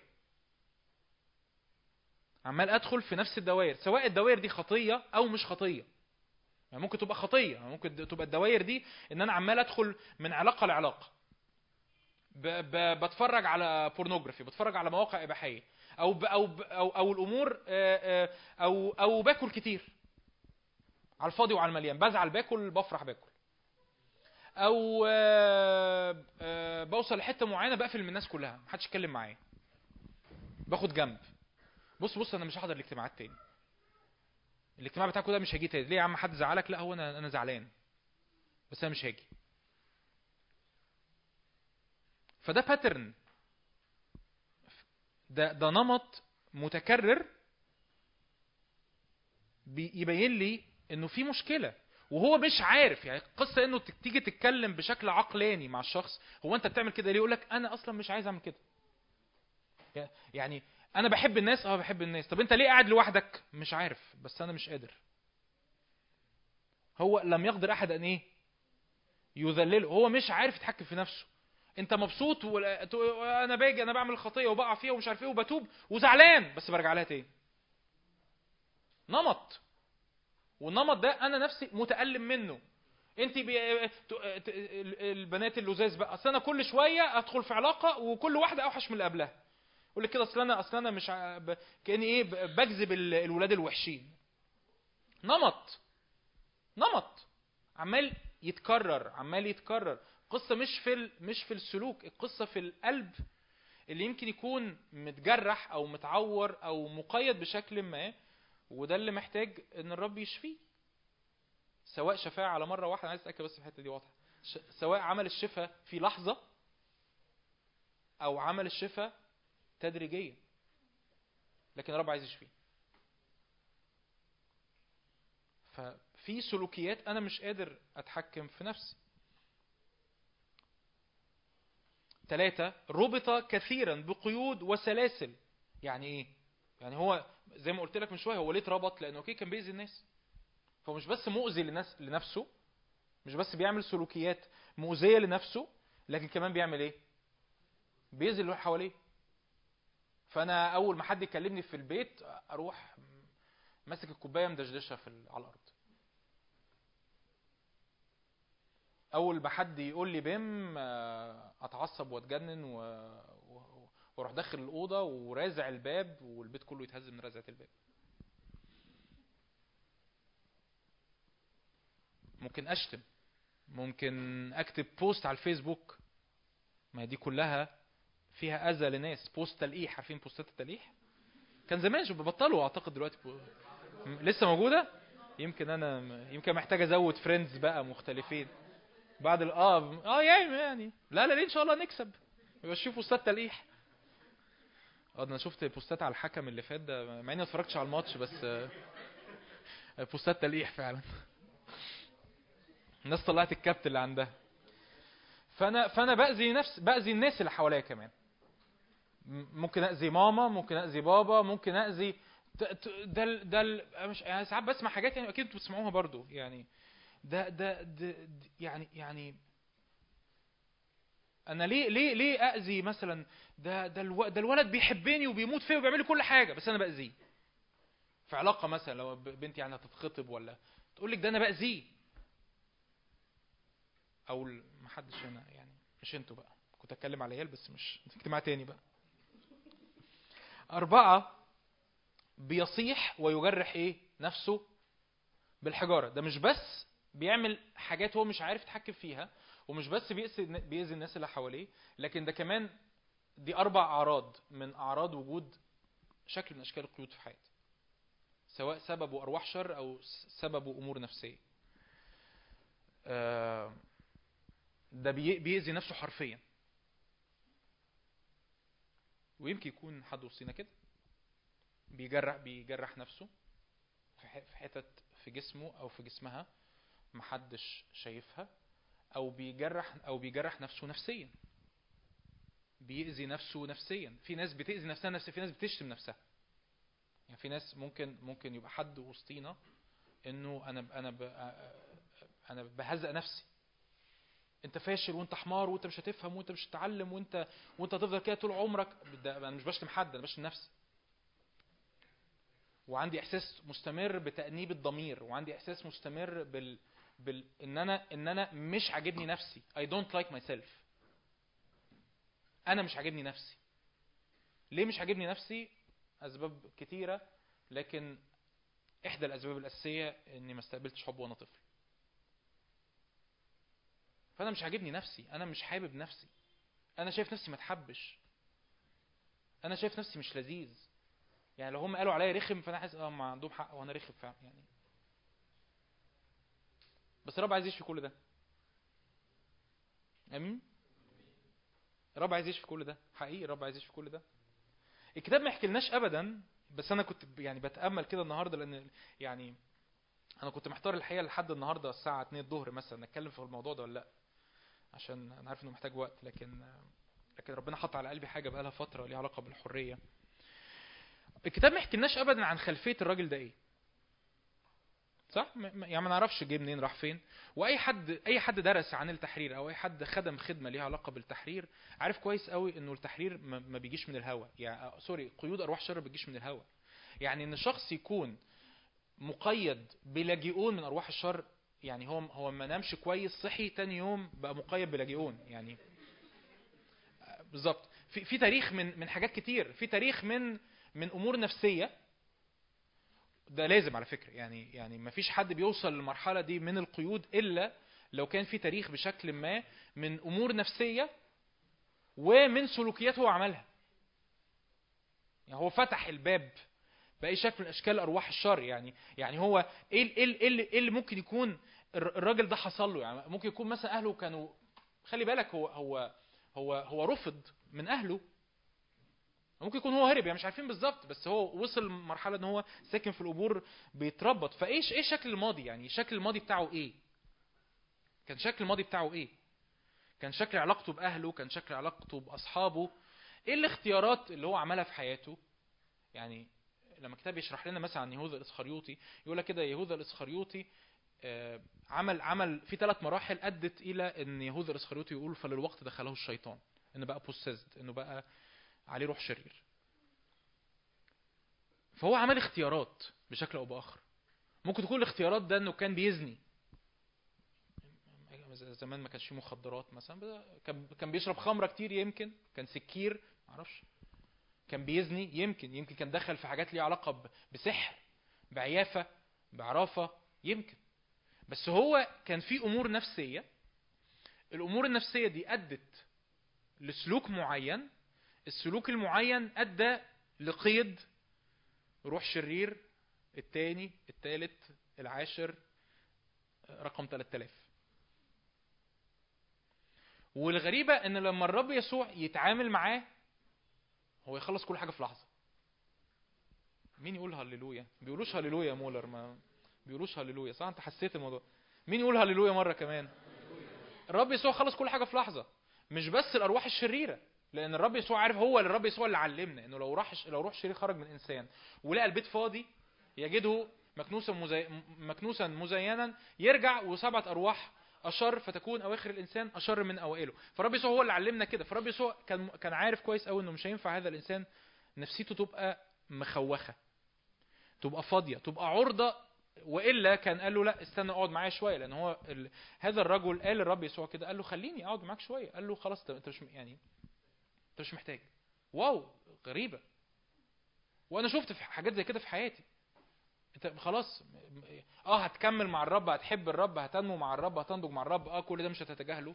بس أنا شفت حاجات زي كده في حياتي. حرية وانس الموضوع خلص. الموضوع اتحسن. والرب يش يشفي الروح ويشفي النفس. وطب وفي الخطايا. طب ما تابش. يعني أنا مش بقول لك ما تتوبش هتتوب. بس الرب يخلص كل حاجة في لحظة. أيوه الرب يقدر يعمل كده. إنه ال- الحاجات بقى اللي ليها علاقة زي, زي ما قلت لك عايز عايز أقولها لك تاني. انزعاجات الرب عايز يحررك من انزعاجات في النفس في المشاعر في الذهن سواء مرة واحدة آمين أو بالتدريج تاخد حبة حلوين النهارده تاخد نقلة حلوة النهارده آمين. أنا يعني أنا مش عارف أقولها إزاي بس يعني مش هقول مش هقول حد يرفع إيده بس بس ما أروع إن ذهنك يبقى يبقى نقي.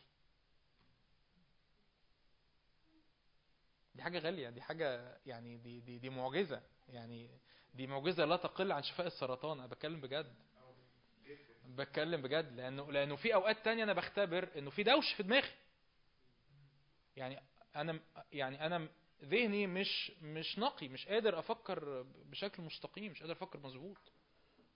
عارف إن أنا مدووش ما أروع إن أنت تنام وتصحى شعر بحضور ربنا حواليك.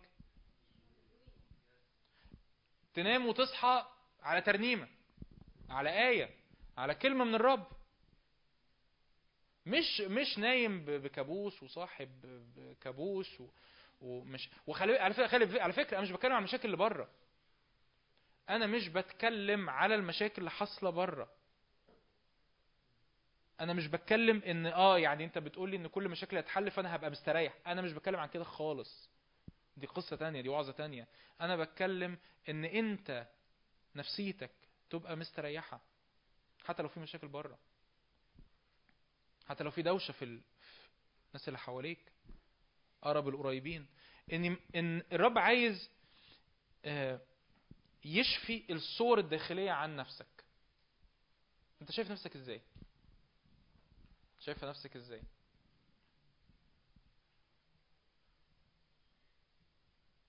هل شايف نفسي فعلا أتحب؟ مقبول؟ غالي؟ ليا قيمة؟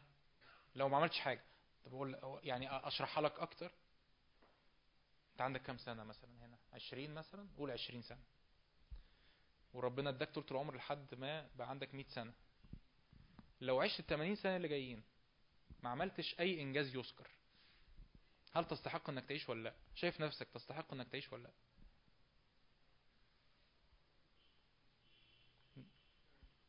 إجابتك على السؤال ده بتشرح السيلف ايمج بتشرح صورتك الذاتية عن نفسك.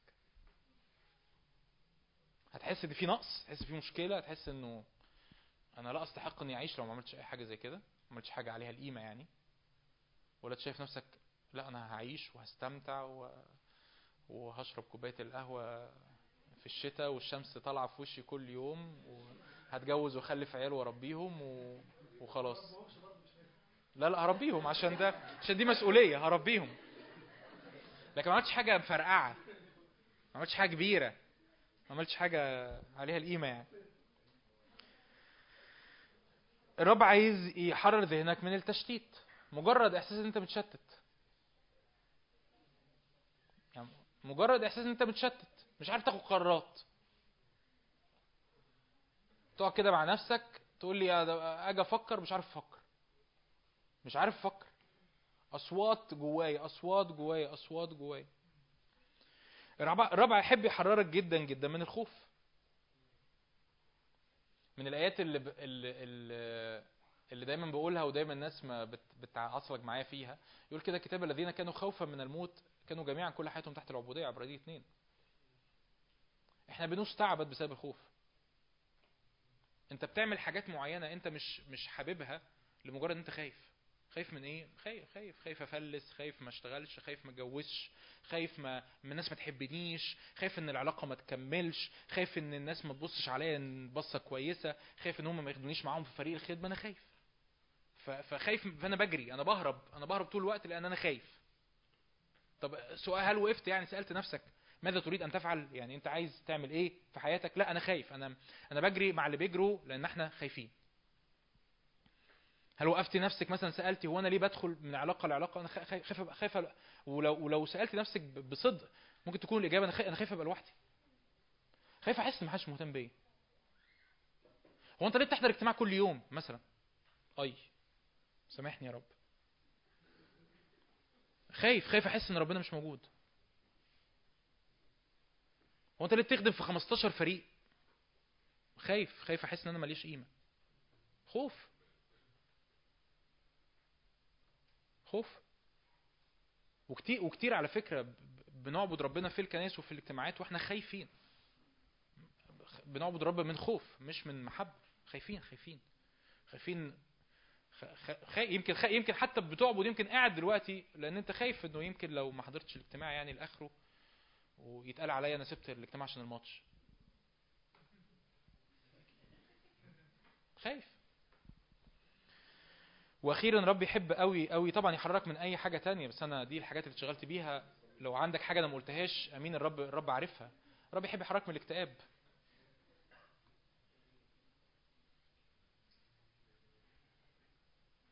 يعني هل هل هل هل ينفع هل ينفع يعني فؤاد؟ فؤاد حبيب عارفه من سنين. هل ينفع يعني فؤاد؟ شاب عنده 15 ولا 16 ولا 20 سنة يبقى مكتئب؟ ينفع؟ يصح؟ طب يعني ربنا يعدي عليه كده ويسيبه؟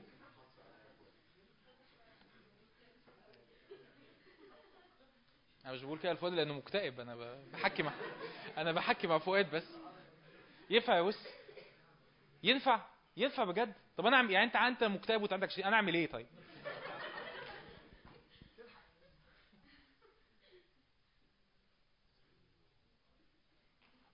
والانبوت المدخلات أنا النهارده أنا بح... أنا بحكي ها مش إيه محدش يحسبها عليا تعليم ده. أنا بحكي. المدخلات السوداء بتاعت الف... الفيسبوك كنت أقول حاجة بس بلاش قلت بلاش أقولها. الفيسبوك والإنستجرام على فكرة أنت مش مصمم. دي جملة ربنا قالها لي لك زي ما زي ما هي كده. أنت مش مصمم إنك تعيش بكم المعلومات دي. إحنا مش مصممين. إن إحنا نعيش بكم الإنبوت ده. ده أنت ده, ده, ده أنا الراجل يعني أنا متجوز وعندي عيلين وعندي خدمة وعندي مش عارف إيه الواحد ساعات بيحس إن هو غرقان. لا طب ده ريان مات. طب, طب. اتألم لأجل ريان مات. بس أنت مش مصمم إنك تعيش تبروسيس كل الكم ده من السواد. ده جزء من السواد بتاع العالم اللي بيترقى مش بقولك لا لا مش بقولك ما تتعاطفش مع مع الطفل مش بقولك كده. لكن أنت مش مصمم إنك تعيش وت process كل المعلومات دي وتتفاعل معاها وفي الآخر تطلع سليم. أنت مش ربنا. ليه الاكتئابات في حد اتفرج على اسمه إيه الفيلم بتاع ال documentary ده؟ أيوه. social media dilemma. ليه النهارده أطفال عندهم ست وسبع سنين عندهم اكتئاب؟ عشان ال social media. نسب ال... ده, ده فيلم وثائقي علمي يعني مش مش فيلم أنا اللي مألفه. نسب الاكتئابات اللي مش عارف كانت من 1900 لحد 1990 اللي هو رقم الرقم ده مش عارف بقى في كام ضعف من من أول 1990 لحد يومنا هذا. انت مش م...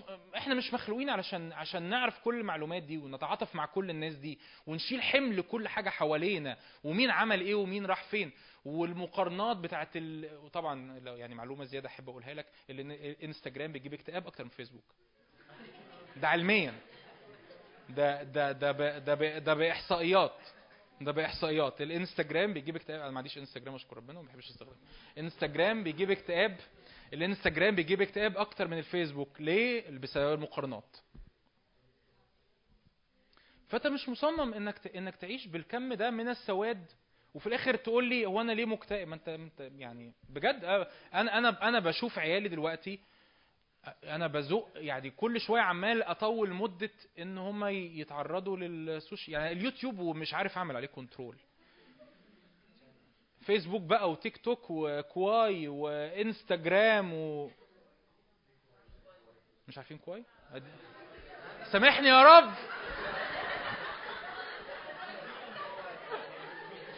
سامحني. حاجة زي التيك توك كده بس أوحش. حاجة يعني بلا فلاحي خالص.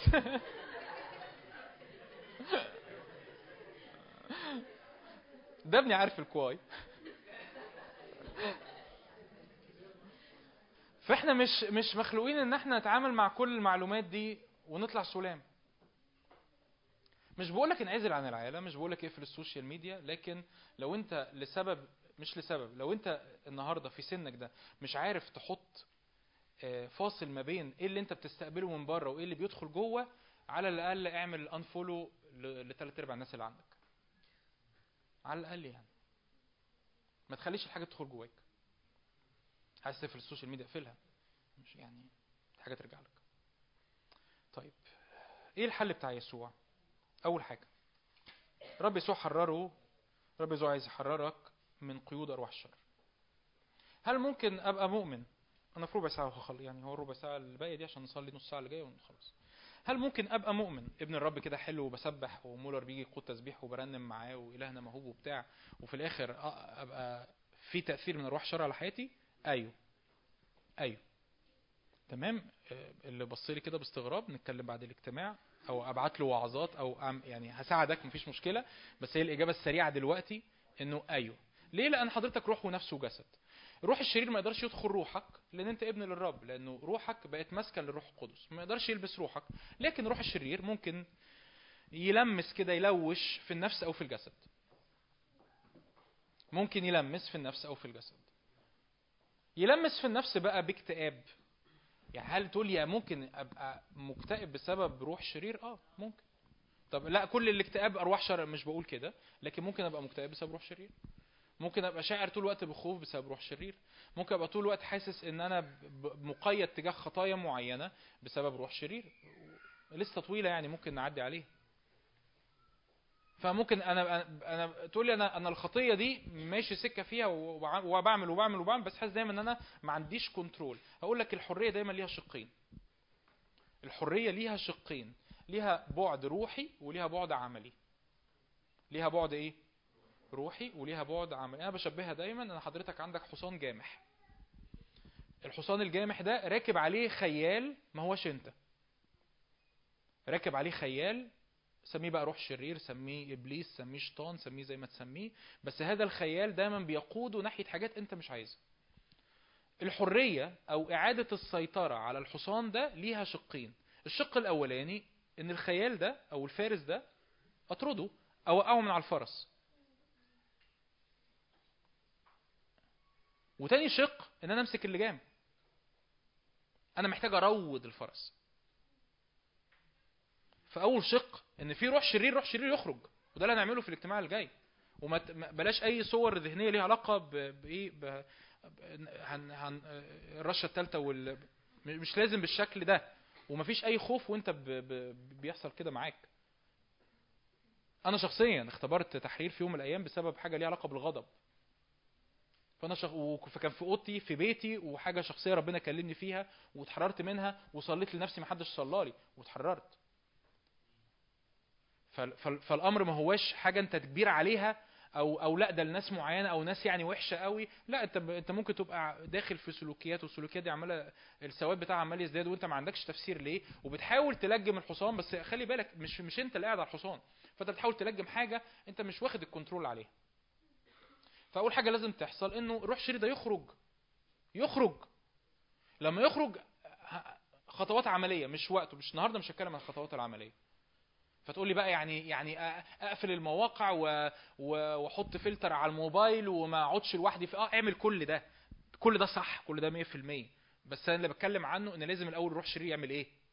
يخرج. تقول لي طب واعرف منين إن في روح شرير ولا فيش روح شرير؟ أنا اديتك أربع أربع أمثلة. إحداهم إنه بتعمل حاجات أنت مش مش بتسيطر على نفسك فيها. إحدى ال- ال- العلامات إنه بتعمل تصرفات أنت لا تتحكم في نفسك. مش ع... انت مش ع... انت بتعمل حاجة انت مش بتحبها. بتعملي حاجة انت مش بتحبيها. تقول لي يعني في روح شرير ممكن يكون ليه علاقة بالخوف؟ آه طبعا. طبعا. ممكن يكون في روح شرير بيسبب لي panic attack yes أيوه 100% ما بحب بخاف أركب أسانسير ب- بحبش اقفل الباب على أوضتي وأنا نايمة ايا كان أيوه ممكن. أسباب إيه؟ مش وقته. لكن ممكن. ممكن يكون في رو- روح شرير مر- مرتبط إن أنا بيدخلني في علاقات كتير؟ أيوه. كل ده ممكن. الرب يسوع أعطانا أعطانا السلطان ان ندوس الحياة والعقارب وكل قوة العدو ولا يضرنا شيء. وأنت بتصلي الوقت اللي جاي معايا في وقت الصلاة أنت هتصلي لنفسك وتبقى مدرك إن أنا عندي السلطان. أنا عندي السلطان إن لو لو لو هذا الروح الشرير مسبب ممارسة في حياتي طبعا مش بقول إن أي حد هنا في قصه مش شرط يبقى كده بس لو أنت مميز إن فعلا وأنا بتكلم إن يمكن يكون فعلا في حاجة ليها علاقة بروح الشرير. لو في حاجة بص أسهلها عليك أكتر. لو في حاجة ليها علاقة بإدمانات معينة محتاج تعمل مع روح شرير. سجاير آه، pornography علاقات لو بتعور نفسك بتجرح نفسك أو بتجرحي نفسك صلي معايا ضد أرواح الشر. okay؟ مش تخسري حاجة مش تخسر حاجة. لو مفيش روح شرير تمام. لو في هيخرج. يعني مش هتخسر حاجة مفيش حاجة تخسرها. مفيش حاجة هتخسرها. فالرب يسوع ادانا السلطان أن ندوس الحياة والعقارب بكل قوات العدو ولا يضرنا شيء.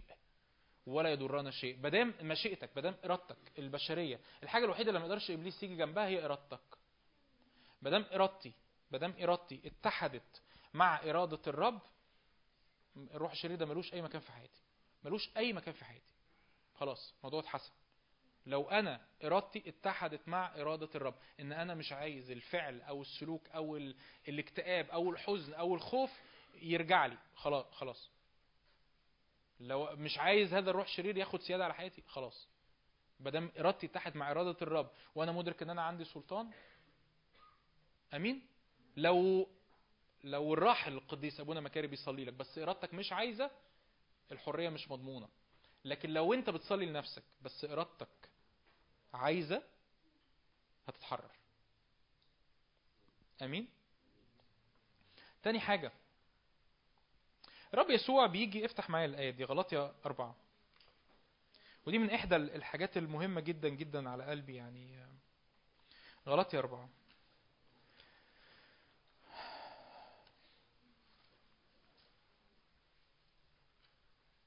عدد واحد.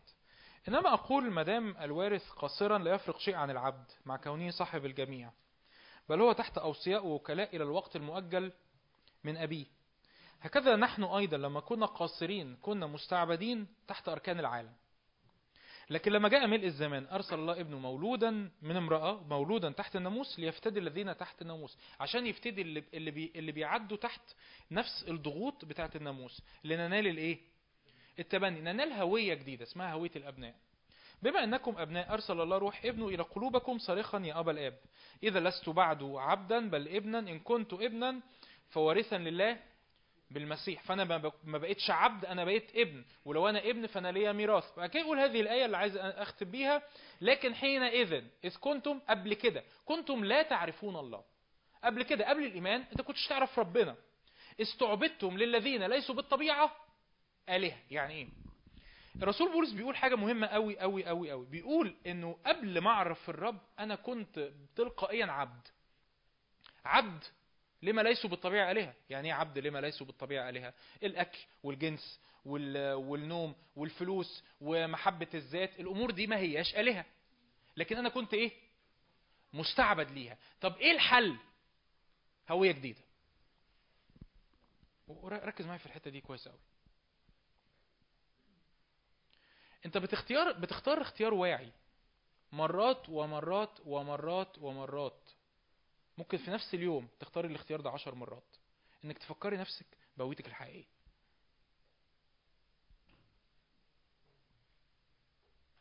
ما أنا قلت لك ان في جزء ليه علاقة بأرواح شر بس في جزء تاني في سكة بتمشيها. ان لما تترمي جوايا الفكرة انه يا جون انت مالكش قيمة تقول لي آه أنا يعني أنا أنا دلوقتي بدرس يعني حاجات ليها علاقة بالمشورة وتربية الأطفال حاجة يعني منتهى الكآبة. دراسة حلوة جدا بس يعني صلوا لي. المهم يعني المهم يعني إيه؟ ببساطة. فأنت لو بقى عارف ومش عارف إيه تقول لي طب ما أنا القصة إن أنا أهلي ما حبونيش فأنا محتاج أتحب ومحتاج أتقبل ومحتاج. أقول لك بدام أنت عرفت المشكلة إنه أنت تحتاج إلى الحب. فانت محتاج تاخد قرار واعي انه اي تصرف خارج مني علشان يبين للناس ان أنا استحق الحب أنا هبطل اعمله. وافكر نفسي أفكر نفسي بايه؟ اني لست بعده عبدا بل صرت ابنا. أنا محبوب. بس أنا مش حاسس ان أنا محبوب. أيوه أنا أنا هتصالح مع مشاعري ان أنا مش محبوب لكن الرب بيقول ان أنا محبوب. الرب بيقول ان هو حبني. بس بس انت شكلك مش جميل يعني مش زي أختك الكبيرة ولا مش زي بنت خالتك ولا ولا ولا ولا خطيبك اللي متقدم ولا شغلتك ولا مرتبك مش زي صاحبك ولا أيوه أيوه عندك حق فعلا. هو هو هو مش كده. لكن أنا ابن أنا محبوب أنا غالي أنا قيمتي قيمة حقيقية لأن أنا إنسان مخلوق على صورة الله. يسوع دفع فيا ثمن غالي فأنا ليا قيمة حقيقية. ده واجب عليك. ده أنت تعمله تعمليه إزاي؟ تعملي إيه؟ هتفكري نفسك بهويتك. كتير. كتير. كتير. مرات ومرات. أنا بعمل كده شخصيا. مرات ومرات. أنت بتقعد قدام الرب تقول له رب تعالى أنا عايز الداونلود ده. ليه؟ لأن الهوية دي في روحك. الهوية دي حصلت في روحك. أنت ابن في الروح. لكن المشكلة في النفس وفي الجسد. مشكله في في الطرق الحياة القديمة. است- استعبدتم لما ليس لما لما كانوا ليسوا بالطبيعة آلهة. الاستعباد اللي حصل للطرق القديمة لطرق الحياة القديمة لل old ways of life أنا كنت عايش بطريقة معينة. كنت عايش بطريقة معينة أنا عايز أرضي كل الناس اللي حواليا. ما أحبش أزعل حد وما أقولش لحد لأ. ليه؟ لأنه أنا حاسس إن أنا لو ما رضيتش الناس اللي حواليا غالبا الناس مش هيحبوني. أو العكس أو أنا عايش عنيد جدا مع كل الناس اللي حواليا. ليه؟ لأن أنا عايز أثبت لكل الناس اللي حواليا إن أنا عندي دماغ وعندي رأي وهعمل كل حاجة أنا عايز أعملها. فأنا عايز أفكر نفسي هو هو أنا بوقف نفسي بس أنا بمتحن نفسي وأنا أنا ليه بعمل كده؟ آه أنا بعمل كده لأن في هوية قديمة. الهوية القديمة دي وده النقطة الثالثه هقولها كده بالمرة الهوية القديمة دي إيه؟ ماتت في المسيح. الهوية دي صلبت في المسيح. الهوية دي في سلاح الرب اداهولنا اسمه الدم. دم يسوع المسيح ابنه يطهر. يطهر من إيه؟ يقول كده مولودين ليس من جسد ولا مشيئة رجل ولا مشيئة دم بل من الله. ففي هوية قديمة. أنا بعلن إنه يا رب دمك يفصلني عن الهوية القديمة. أنا دايما بشوف المشهد ده لما بصلي مع أي حد محتاج تحرير أو في لعنة أو في عيافة أو عرافة بشوف كده ال- إن دم يسوع عمل وبصليها بقول حتى دم يسوع زي سور من نار ما بين الشخص وما بين أي حاجة مرمية عليه من إبليس. ولأن دم يسوع هو فعلا كده. طب أديك دليل؟ هتفكر خروف الفصح؟ دم على العتبة العليا والإيه؟ حلو. إيه اللي حصل؟ الملاك المهلك كان بيرى الدم وإيه؟ ما يدخلش جوه. هو إيه اللي كان الدم اللي مرشوش على العتبة العليا القائمتين دم إيه؟ آه ما تكسفش خروف. دم إيه؟ دم خروف. منع إن الملاك المهلك يدخل؟ دم إيه؟ خروف. أمال دم يسوع يعمل إيه؟ دم إيه اللي كان على الباب؟ خروف. بيقول ماء. عادي. ياكلوه برسيم يقول ماء يذبحوه. ده دم إيه؟ خروف. منع المهلك انه يدخل. فكم بالحري دم المسيح كما من حمل بلا عيب ولا دنس. يعمل إيه؟ يطهر ضميري يطهر نفسيتي يطهر هويتي يفصلني عن المواريث القديمة. ما بقاش عايش بالحمل القديم ما بقاش عايش بالمخاوف القديمة ما بقاش عايش بطريقة الحياة القديمة بطريقة ردود الأفعال القديمة. واصدق كده إنه إنه إنه دم يسوع اللي بيطهر ده بيفصل ويطلق هويه جديدة.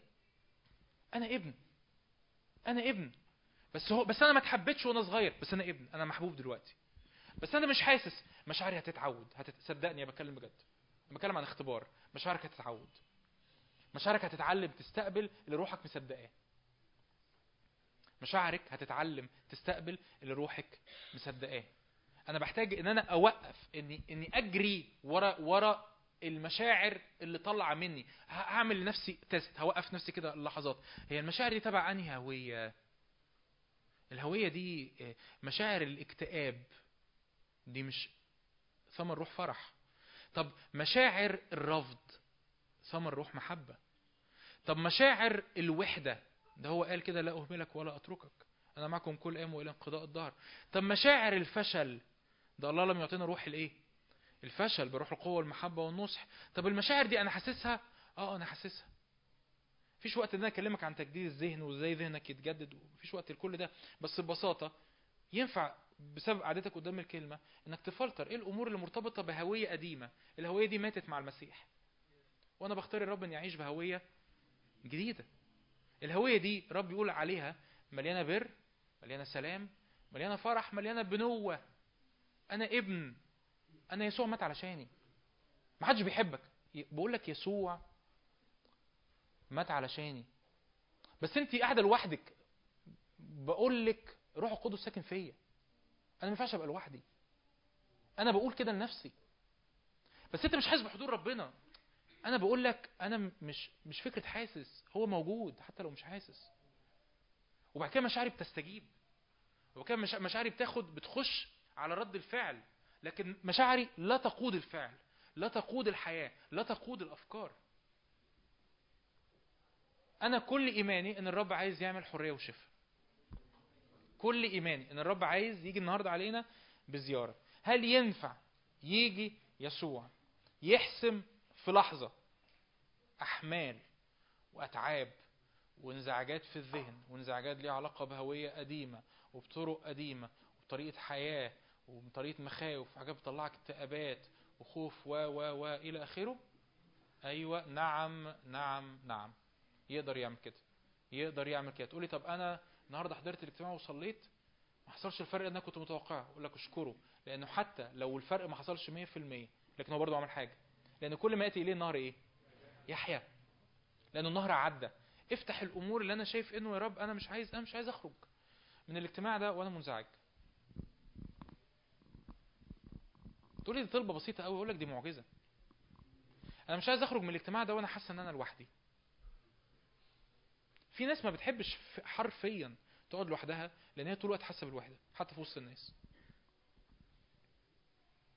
أنا مش عايز أخرج من الاجتماع ده وأنا حاسس إن أنا مكتئب. اطلبها من الرب قول له يا رب أنا شاعر بده وأنا عارف إن أنت تقدر. تعالى يا رب روح القدس المسني. أنت جيت النهارده. أنت ما تعرفش هنتكلم عن إيه. جيت النهارده. موجود. قعدت لآخر الاجتماع. في ماتش فأنت جيت بالرغم من الماتش. قول يا رب بالرغم من الماتش أنا جيت. أنا مستني معجزة. أنا مستني معجزة. أنا مستني لمسة. أنا مستني مقابلة. أنا مش عايز أرجع تاني للطرق القديمة. مش عايز أرجع تاني ل... إني إني أبقى المجنون اللي قاعد في القبور منعزل عن الناس ما بجرح في نفسي بعور في نفسي بعور في الناس اللي حواليا مش عارف أذلل نفسي مش عارف أتحكم في نفسي. لو في روح شرير أنا إيماني لو في روح شرير أسهل حاجة أنا بالنسبة لي أسهل حاجة. روح شرير تخرج لو في روح شرير هيخرج لو في أي حاجة ليها علاقة بالشفاء قول له اكشف الأمر قدام الرب. يعني يمكن يكون بعضنا عارف حاجات أسباب اللي هو أنا وأنا ليه بتصرف كده؟ يمكن يكون بعضنا عارف يمكن يكون بعضنا مش عارف. لو انت عارف اكشف الموضوع قدام الرب. هو أنا ليه الرب مطلع عند أو مطلع اعتمادية أو مطلع اتكال زيادة على الناس أو مطلع آه، آه، آه، غضب أو مط... يمكن يكون آه عارف أصل أنا مريت بكذا حسيت بكذا عديت بكذا. اكشف الأمر قدام الرب قول الرب تعالى اشفي الأمر ده. طب لو مش عارف قول يا رب أنا مش عارف. مجنون كرة الجدريين ما كانش ما إحنا ما نعرفش هو عدى باللي بيعدى اللي بيه ليه بس الرب يسوع خلص الموضوع كله في لحظة قال له ما انتش محتاج تكمل معايا الموضوع خلص. آمين؟ تعالوا نقف مع بعض نصلي.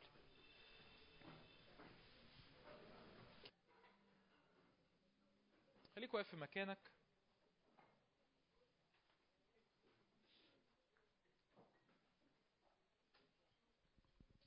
نعم.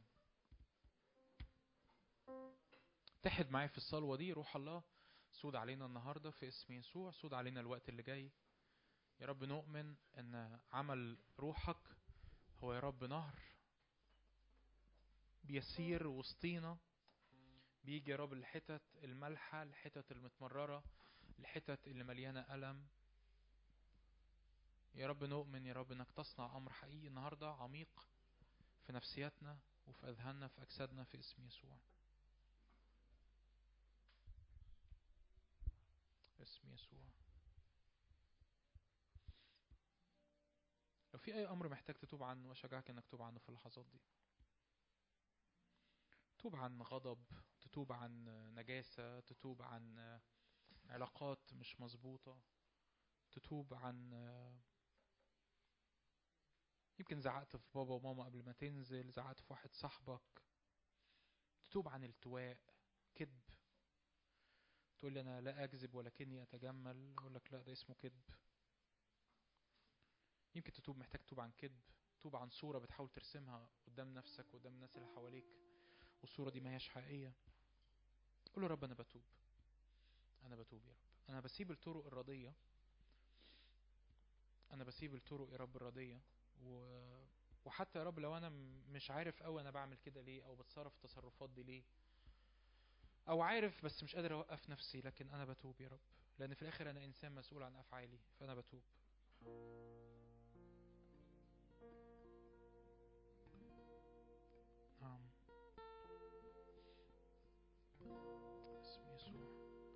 قول له رب أنا أنا بعلن كده دمك دم يسوع فاصل ما بيني وما بين يا رب أي هوية قديمة. دمك فاصل ما بيني وما بين يا رب طريقة أفكاري القديمة وطريقة حياتي القديمة. أي مواريث في البيت. أصل بابا خواف فإحنا خوافين. أصل ماما بتزعق فإحنا طالعين بنزعق. أصل ايا كان بقى مش عايز أقعد أقول الامثله قول يا رب كده أنا بصلي في اسم يسوع. دم يسوع يفصلني عن كل مواريث قديمة في اسم يسوع. عن كل أمور قديمة في نفسيتي كل أمور قديمة في مشاعري كل أمور قديمة في أفكاري. دمك يا رب يطهر. دمك يطهر قلبي دمك يطهر ضميري. دمك يطهر نفسيتي. دمك يطهر الصور الداخلية. عندك صورة ذاتية عندك صورة عن نفسك. تحس إن أنا مش لذيذ محدش بيحبني محدش يحبني لنفسي. لازم أعمل حاجات كتير لازم أرضي الناس اللي حواليا. يعني أنا مش أجمل واحدة. يقول كده يا رب نعم. دمك يطهر كل صور داخلية عن نفسي. دمك يشفي دمك يطهر دمك يحرق. كل أمور مش منك. صلي الوقت ده أنت محتاج تصلي. أنت مش, ما ينفعش خالص تكون بتسمعني بصلي لك. أنت محتاج تكون بتصلي. ممكن تاخد حاجات من اللي أنا بقولها وتصليها أو ممكن أنت لو عارف تصلي إزاي صلي صلي. لكن محتاج تصلي. محتاج تتكلم مع الرب. يا رب أنا بعرض قلبي بعرض مشاعري. بعرض يا رب أفكاري لكل يا رب عمل الروح القدس في اسم رب يسوع. ما يكونش يا رب في حتت في نفسيتي أو في مشاعري ما هياش مفتوحة لنهر الروح القدس. مفيش حتة يا رب مستخبية مفيش حتة يا رب متدارية مفيش حتة يا رب أخجل إني اكشفها قدام إني أكشفها قدامك في اسم يسوع. اسم يسوع. يا رب أنا بصلي ضد أي خزي من الماضي أي خزي من أفعال أي خزي خزي من علاقات. ممكن يبقى عندك خزي حتى من العيلة يعني يعني ممكن تبقى عندك خزي من بيتك من من ظروف بيتك المادية من ساكنين فين بابا بيشتغل إيه ماما بتشتغل إيه خزي حتى من طريقة معاملة خزي من من إحساس إن أنا معياش فلوس كفاية ايا كان. يا رب لو في أي خزي يا رب في قلبي. أشكرك يا رب لأنه لست بعد عبدا لكن صرت ابنا. أشكرك يا رب انت بتطلق فيا هوية جديدة.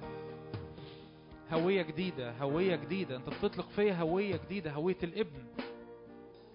هوية الابن يا رب اللي بتعمل فيا شفاء اللي بتعمل فيا حرية اللي بتصنع فيا أمر كامل اللي بتطلق فيا أمر كامل في اسم يسوع اللي بتطلق فيا حرية كاملة في اسم الرب يسوع.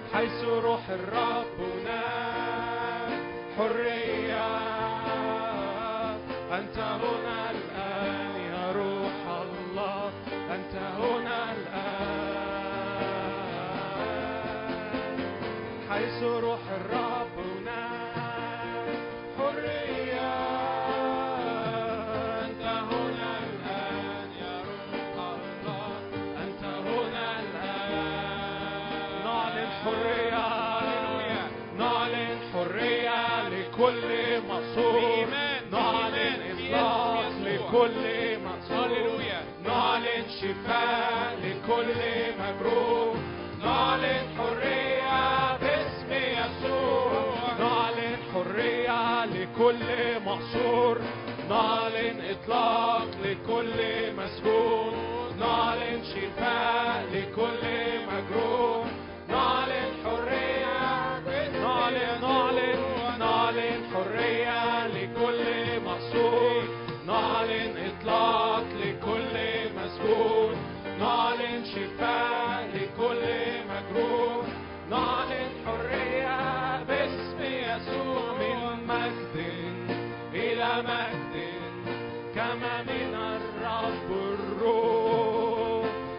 نتغير نتقدس ناظرين مجدك. من مجد إلى مجد كما من الرب الروح.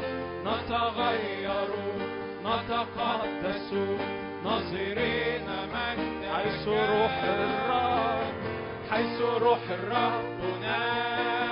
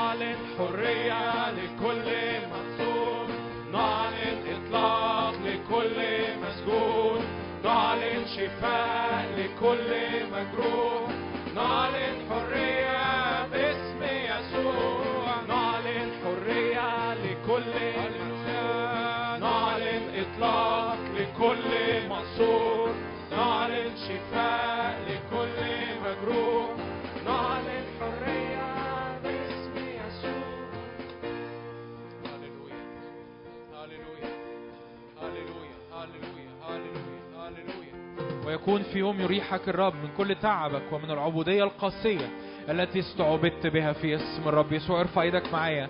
نعم يا رب أشكرك لأنه يكون في يوم يكون في يوم أن الرب يريحك من تعبك ومن كل العبودية القاسية التي استعبدت بها في اسم الرب يسوع. لأن يزول نيره عن كتفك في اسم الرب يسوع وحمله في اسم يسوع عن عنقك ويتلف النير لسبب السمانة في اسم الرب يسوع. في اسم الرب يسوع في اسم الرب يسوع. هللويا هللويا هللويا. عايزك تتحد معايا كده تتحد معايا في إرادتك للحظات. قبل ما نصلي عايز أصلي لاجل تحرير. اتحد معايا في إرادتك للحظات. يا رب كل أمر أنا مش لازم تصلي بصوت عالي بس ببساطة.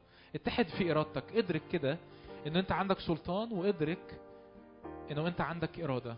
يا رب كل أمر مش منك. أنا برفض وجوده في حياتي. كل أمر مش منك. أنا برفض وجوده في حياتي.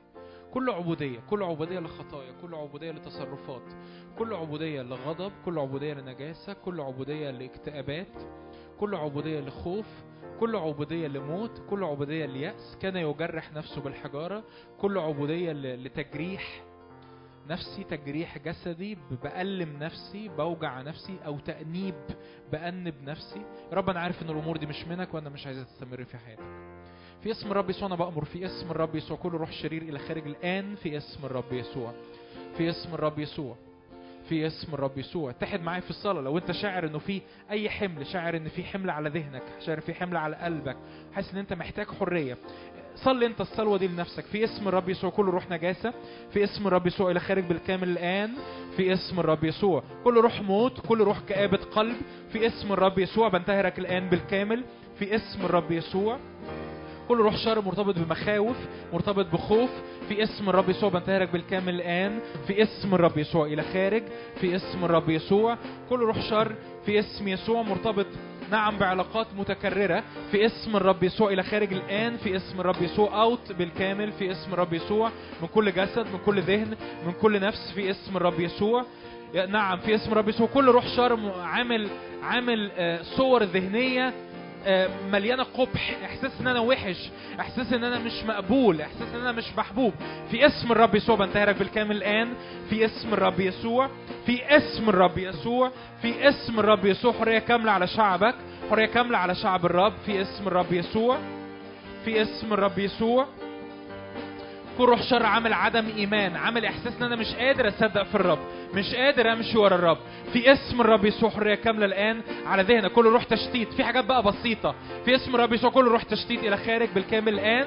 كل أرواح شر عاملة انزعاجات على الذهن عاملة اضطرابات على القلب عاملة اضطرابات على المشاعر. في اسم الرب يسوع بتارك الان بالكامل الآن. في اسم الرب يسوع. بكلم سلام. حط إيدك على ذهنك. حط إيدك على على راسك كده. أنا حاطط إيدي على راسك ما تتكسفش حط إيدك على راسك. في اسم الرب يسوع بكلم سلام لذهني. انطقها صليها معايا. في اسم يسوع بكلم سلام لذهني. كل تشويش يسكت كل دوشة تسكت كل صور ذهنية تسكت في اسم الرب يسوع. كل صور سودة كل كل كوابيس في الأحلام في اسم الرب يسوع سلام في اسم الرب يسوع. كل مخاوف وقت النوم كل مخاوف آه، آه، شعر كده يمكن يمكن بتبقى ماشي في الشارع أو ماشي في الشارع وحاسس دايما حاسس إن في حد ماشي وراك. في اسم الرب يسوع بنتهر هذا الروح الشرير. في اسم الرب يسوع من على حياتك من على حياتك في اسم الرب يسوع. بصلي سلام للأذهان في اسم الرب يسوع. حط إيدك على قلبك. روح أنا بصلي. يا رب أنا بصلي. يا رب اعمل شفاء معجزي يا رب للنف... للنفوس للجروح القديمة. يا رب للجروح القديمة وللمشاعر المضطربة للمشاعر المتألمة في اسم الرب يسوع. كل مشاعر ترك كل مشاعر وحدة كل مشاعر فقدان حد غالي. يا رب أنا بصلي سلام لمشاعرنا سلام لمشاعرنا سلام لمشاعرنا في اسم يسوع. سلام لمشاعرنا في اسم يسوع. سلام لأفكارنا في اسم الرب يسوع. أي بنت هنا اتثابت كتير من ولاد. يعني بصلي سلام لمشاعرك في اسم الرب يسوع. بصلي سلام لمشاعرك. سلام لمشاعرك. شعر كده يمكن يكون في ولد ولد ولد مش بنت ولد وسطينا. في علاقة والعلاقة دي بتسبب له أذى شخصي بس مش قادر يسيب البنت. بصلي سلام لذهنك وسلام لمشاعرك. تقدر تاخد قرارات مظبوطة في اسم الرب يسوع. تقدر تاخد قرارات مظبوطة في علاقاتك في اسم الرب يسوع. بصلي سلام للمشاعر. يا رب ما نكونش ما نكونش مدفوعين بما ليسوا بالطبيعة آلهة. ما نكونش بنتحرك بأمور إحنا عارفين إن دي مش آلهة لكن خايفين. كل أفكار خوف أنا بصلي سلام في اسم الرب يسوع. ينفع ينفع لو أنت عارف إن في أمور موروثة في البيت. عارف إنه في حاجة في البيت كده مسمعة عليا. يعني إيه؟ يعني زي ما زي ما كنت بصلي. في غضب في البيت فانا أنا عصبي. في خوف في البيت فأنا خواف.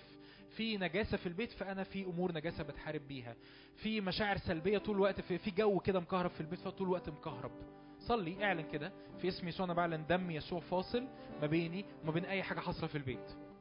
دم يسوع فاصل ما بيني وما بين أي حاجة في البيت. دم يسوع فاصل ما بيني وما بين أي مواريث سودة في البيت في اسم الرب يسوع. في اسم يسوع.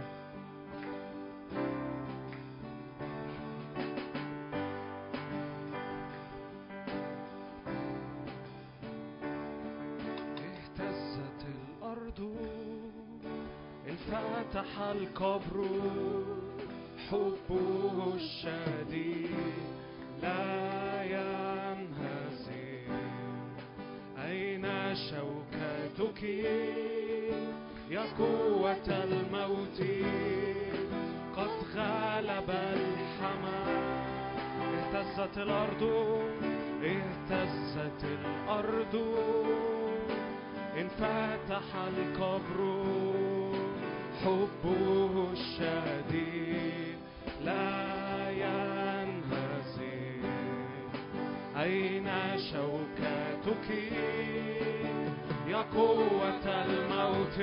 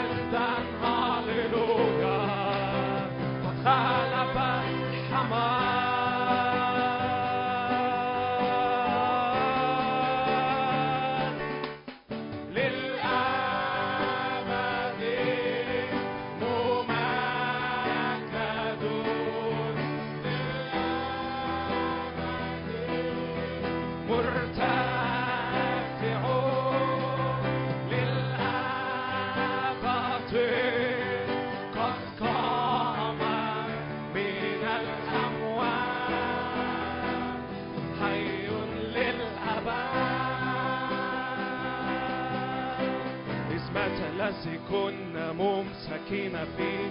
وقام يسوع من الأموات. لنا حرية لنا حياة اسمة الذي كنا ممسكين فيه. وقام يسوع من الأموات. لنا حرية هوية جديدة. لنا هوية. قيامة هوية أبناء. هاليو مات مات. اسمة الذي كنت هللويا. هوية أبناء. هللويا.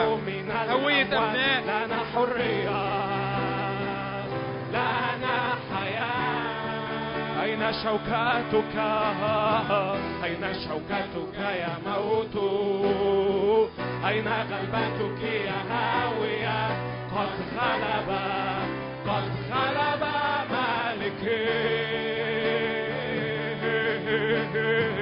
أين شوكتك يا موت أين غلبتك يا هاوية قد غلب قد غلب مالكي غلبت الموت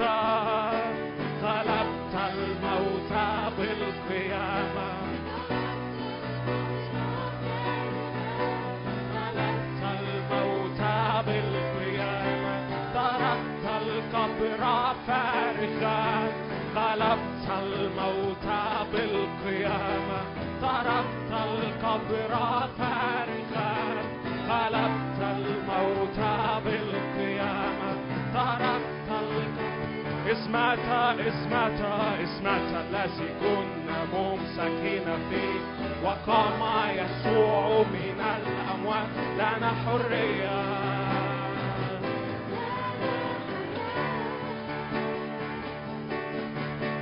إسمعت الذي كنا ممسكين فيه وقام يسوع من الأموات. لنا حرية. لنا حياة. ارفع إيدك واعلن. أين شوكتك؟ أين شوكتك يا موت؟ أين غلبتك يا هاوية؟ قد غلب قد غلب مالكي أين شوكتك يا موت؟ أين غلبتك يا هاوية؟ قد غلب. غلبت غلبت الموت.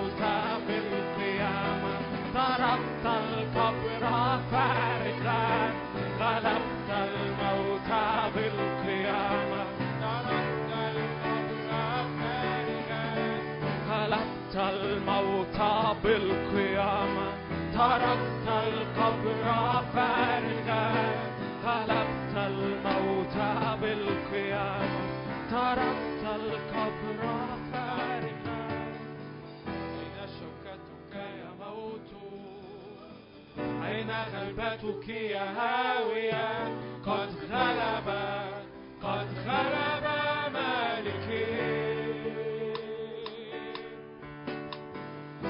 شوكتك يا موت؟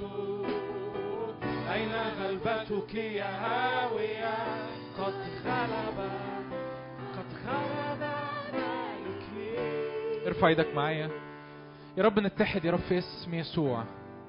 كسر لشوكة الموت وكسر لشوكة أفكار الانتحار وكسر لشوكة اليأس على جيلنا في اسم يسوع. كسر لشوكة الموت. وكسر لشوكة أفكار الانتحار وكسر لشوكة إليأس على جيلنا في اسم رب يسوع. أي حد هنا بيتحارب بأفكار انتحار في اسم رب يسوع؟ لا تقوم لا تكون في اسم يسوع. أي حد بتحارب بأفكار يأس. لا تقوم لا تكون في اسم رب يسوع. أي حد بيتحارب بأفكار زهق من الحياة لدرجة فقدان المعنى. لا تقوم لا تكون في اسم الرب يسوع. الرب لم يعطينا روح اليأس ولا روح الفشل ولا روح الخوف وروح القوة والمحبة والنصح. يا رب نرفض كل أفكار يأس في اسم الرب يسوع. بنرفض كل أفكار يأس في اسم الرب يسوع. بنرفض كل أفكار موت. بنرفض كل أفكار انتحار بنرفض, كل أفكار خوف من المستقبل بنرفض كل شوكة الموت في اسم الرب يسوع. أين شوكتك يا موت؟ أين غلبتك يا هوية في اسم الرب يسوع؟ في اسم الرب يسوع. عايز أصلي ضد الخزي. عايز أصلي ضد الخزي. أي شعور بالخزي؟ خزي بسبب مواريث في بيتي. ممكن تبقى حاسس بالخزي بسبب أهلك؟ بيتك فلوسك حالتك المادية تربيتك ساكن فين معاك كام فلوسك أخبارها إيه ممكن تكون عندك خزي بسبب بقى حاجات أنت عملتها حاجات أنت عملتيها. ببساطة وأنت رافع إيدك كده وأنت رافع إيدك. اعلن يا رب دمك يحرق كل خزي. لأنه من يشتكي على مختار الله؟ يا رب دمك يحرق كل خزي. دمك يحرق كل صور قديمة. دمك يحرق كل صور قديمة. دمك يحرق يا رب كل أسباب الخزي في حياتي. يا رب أنا بصلي يا رب حرية من الخزي حرية من الخزي في اسم يسوع حرية من الخزي حرية من إحساس الخزي حرية من إحساس إن في حاجة أنا خجلان منها وما أقدرش أحكيها لحد. يا رب احرق احرق هذا الإحساس. احرق كل ذكريات خزي. احرق كل ذكريات خزي. ممكن تبقى الذكرى موجودة انت فاكرها فاكرها كذكرى لكن انت مش شاعر بالخزي. يا رب احرق كل مشاعر خزي. يا رب أنا بعلن دم يسوع. صلي انت لنفسك صلي لنفسك. يا رب دم يسوع على كل صور خزي على كل ذكريات على كل مشاعر على كل حاجات حصلت على كل حاجات قديمة على كل حاجات بتحصل على كل حاجات أنا مكسوفة منها على كل حاجات أنا بخجل منها النهاردة. يا رب أنا بعلن يا رب دمك يحرق كل مصادر للخزي في حياتي في اسم يسوع.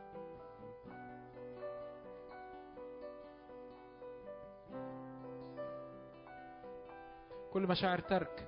يا رب أنا بصلي شفاء لكل مشاعر ترك في اسم يسوع. شفاء لكل مشاعر ترك.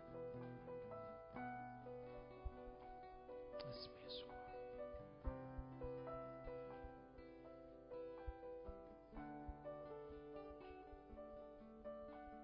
كل عدم غفران. يا رب أنا بصلي اطلب كده معايا لو أنا عندي مشكلة مع الغفران. يا رب أشكرك لأنك غفرت غفرت كل خطية كل أمر أنا عملته. واشكرك لأنك أنت غفرت بالكثير. يا رب أنا يمكن مش قادر أغفر يمكن مش قادر أغفر لكن أنا بطلب نعمة للغفران. أنا بطلب نعمة للغفران. أنا بطلب نعمة إن يا رب ما أفضلش ماسك دينونة على شخص اني ما أفضلش ماسك دين على أخ أو أخت أو أب أو أم أو صاحب أو صديق أو واحد كنت مصاحباه ولا واحدة كنت مصاحبها. يا رب أنا بختار إني أغفر. أنا بختار إني أغفر. أنا بختار يا رب إني أسيب الإساءة وبختار يا رب إني ما أفضلش مستني الشخص يجي يعترف إن هو كان غلطان ويجي يبقى يقول إن أنا كنت صح وإن هو غلط ويجي يعترف بكل أمر وحش هو عمله يا رب أنا بسيب الإساءة أنا بترك الإساءة لهذا الشخص.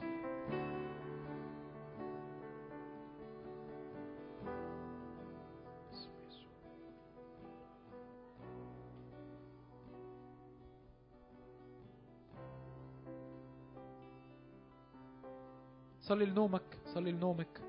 يا رب كل يا رب حروب بكوابيس كل حروب يا رب بدوشة أثناء النوم. كل يا رب يوم بدخل أنام بحس إن أنا مستريحة أو مبسوطة بصحى. تاني يوم حاسة إن أنا مكتئبة واليوم ملوش معنى. يا رب أنا بصلي لأجل نومي في اسم يسوع. بصلي لأجل نومنا. بصلي يا رب لأجل مشاعرنا أثناء النوم وأفكارنا أثناء النوم. الصور الداخلية أثناء النوم. يا رب صلي يا رب إن صورنا الداخلية تبقى مليانة بإدراك إن إحنا أبناء مش عبيد. لست بعد عبدا بل صرت ابنا. تعالوا نردد هذه الكلمات. يا رب أنا لست بعد عبدا بل صرت ابنا. لست بعد عبدا بل صرت ابنا. يا رب أشكرك لأن إحنا صرنا أبناء. صرنا أبناء في المسيح يسوع. اسم يسوع. اغسل قلوبنا اغسل مشاعرنا اغسل أفكارنا. يا رب صل لأجل عمل كامل النهاردة في اسم يسوع. كل بقاع بتتكشف قدام نهر الروح القدس. كل حتت مقفولة تتكشف على نهر الروح القدس.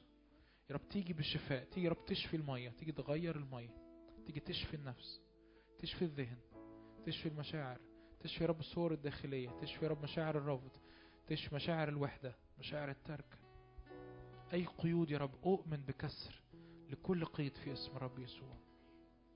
أؤمن بكسر لكل قيد في اسم رب يسوع.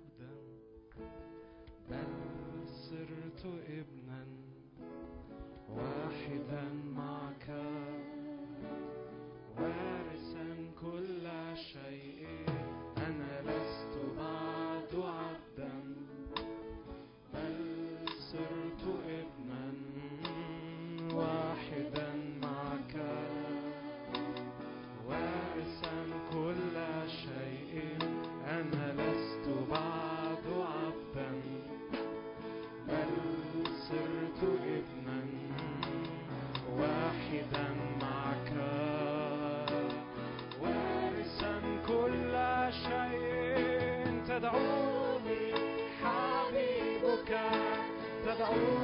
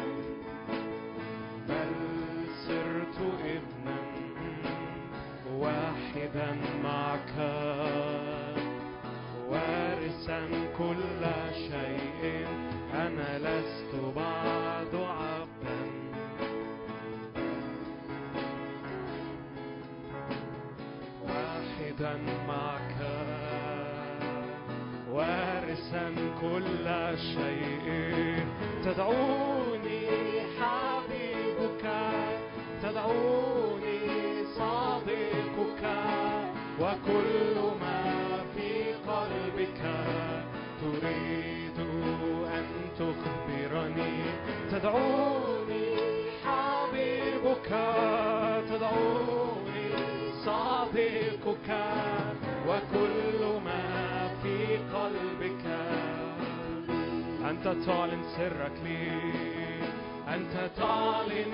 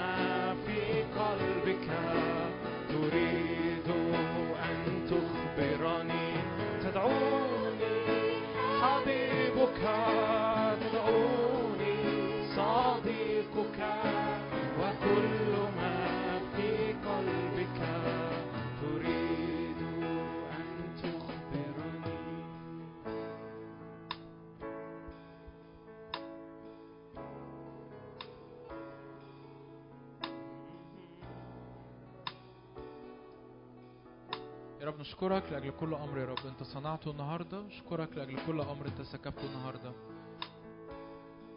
نشكرك لأن روحك بيعرف يخلق يجدد في اسم رب يسوع ويصنع كل شيء جديد في اسم يسوع. آمين. آمين. تفضلوا اقعدوا ثانية واحدة. مؤتمرنا. حد عارف مؤتمرنا إمتى؟ 17 18 19 فبراير آه، أندرو موجود. ومارينا موجودة علشان ال علشان اللي اللي محتاج يدفع فلوس الحجز. آه، أنا جوايا إن إحنا نكمل شوية وجوايا إن عايزين نصلي مع الناس. فإحنا ختمنا للي يحب يتحرك علشان الماتش عشان البنات لو خايفين آه، مواصلات. مش هتمشوا ولا إيه؟ أو أي حاجة اللي خايف يروح آه، اللي عايز يروح يعني عشان يلحق يتفرج على الماتش أو آه،؟ مش خطية؟ لا لا مش خطية لا. مش خطية لا. آه، فاللي يحب يتحرك يتحرك. إحنا مولر أنت ينفع تكمل معانا شوية؟ okay فهنكمل وقت عبادة والخدام الموجودين في القاعة هيكونوا بيصلوا مع الناس اللي قاعدين في القاعة لأن أنا شاعر لسه ربنا عايز يعمل حاجة. ف محدش عايز يمشي؟ أنا حسيت من الأول ما كناش المفروض نبدر الاجتماع. يا مولر آمين آمين آمين. هنكمل في العبادة. و آه، يعني بما إنك قاعد ف ففي أكيد حد من الخدام هيتحرك لك يصلي معاك.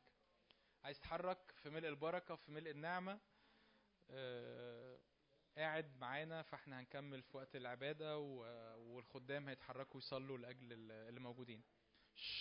هنكمل هنكمل صلاة هنكمل عبادة. معانا لحد إمتى يا ميشو. تسعة تسعة هنخلص. آمين. اللي هيتحرك يتحرك في منتهى الهدوء. هيتحرك يتحرك في منتهى الهدوء.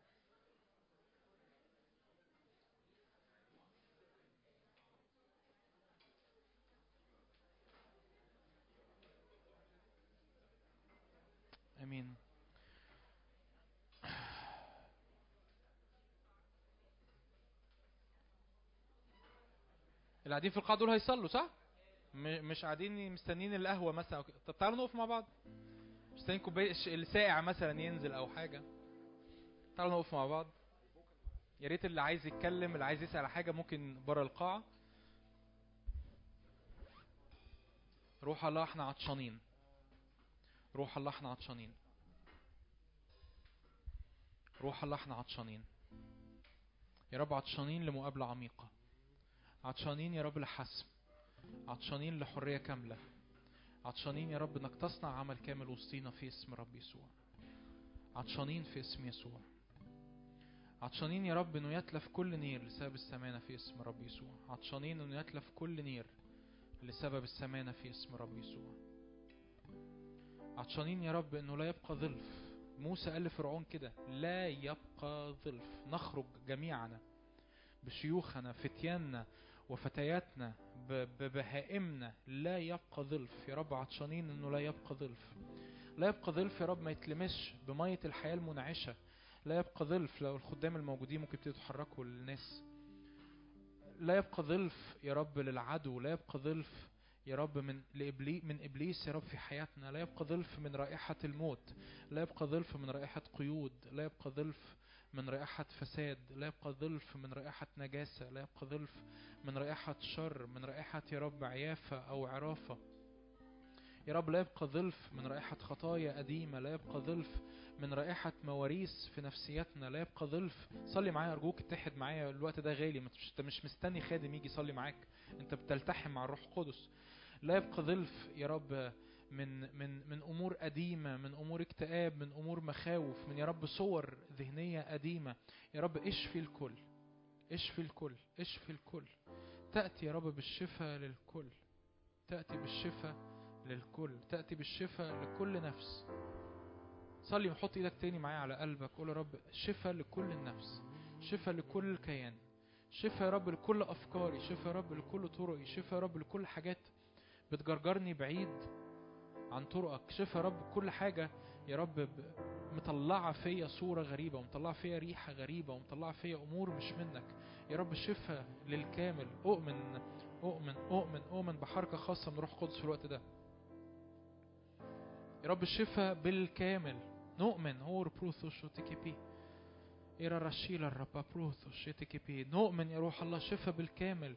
نؤمن بحركة كاملة عميقة من الروح القدس. يا رب نؤمن أنا بصلي أنا صلاتي كانت الاجتماع ده ان الرب يفتح علينا بوابة تكمل مش مش للنهاردة. لكن يبقى في حضور إلهي وسطينا مكمل مرتبط بالحرية ومرتبط بالشفاء حتى لو الوعظة ما كانتش عن الحرية والشفاء. لكن الرب يكون بيعمل عمل في أجواءنا ويكون أجواءنا مثبت فيها. أمور بنستقبلها مليانة حرية وشفاء مليانة فرح مليانة سلام مليانة بر مليانة قداسة مليانة كسر الأنيار. ارفع إيدك معايا اتحد معايا قول يا رب لاجل جيلي يا رب لاجل كل حد يجي الاجتماع ده ممكن تكون موجود ولسه قاعد وحاسس إن أنا أنا كويس مش محتاج حاجة. اتحد معايا. لأجل يا رب جيلنا لأجل يا رب كل حد يدخل هذه القاعة لأجل كل حد يحضر هذا الاجتماع. في أجواء كده تكون مغطيانا مليانة حرية مليانة فرح مليانة بر مليانة سلام مليانة قداسة مليانة يا رب ذهن صافي. يا رب اللي يدخل من باب القاعة ذهنه يبقى صافي. اللي يدخل من باب القاعة ذهنه يبقى صافي. يعرف يصلي. يعرف يعبد اللي يدخل من باب القاعة يشعر إنه مقبول يشعر إنه محبوب يدرك إنه ابن يدرك إنه غالي يدرك إنه مقدس يدرك إن في هوية جديدة. اللي يدخل من باب القاعة يخبط في الحضور الإلهي يخبط في يسوع. في اسم يسوع. في اسم يسوع. في اسم يسوع. في اسم يسوع. في اسم يسوع. fez-me a sua, fez-me a sua, fez-me a sua, fez-me a sua, fez-me a sua, fez-me a sua.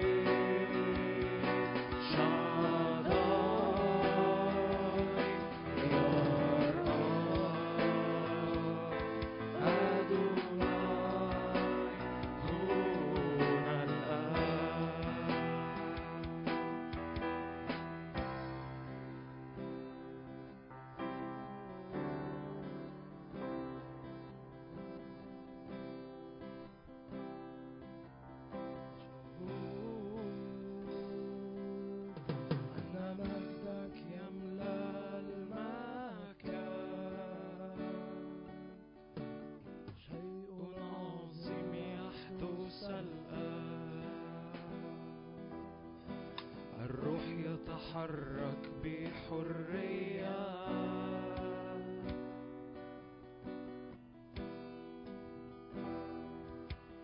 أشعر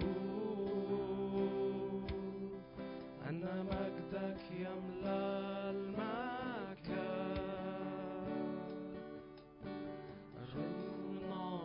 يحدث الآن. الروح يتحرك بحرية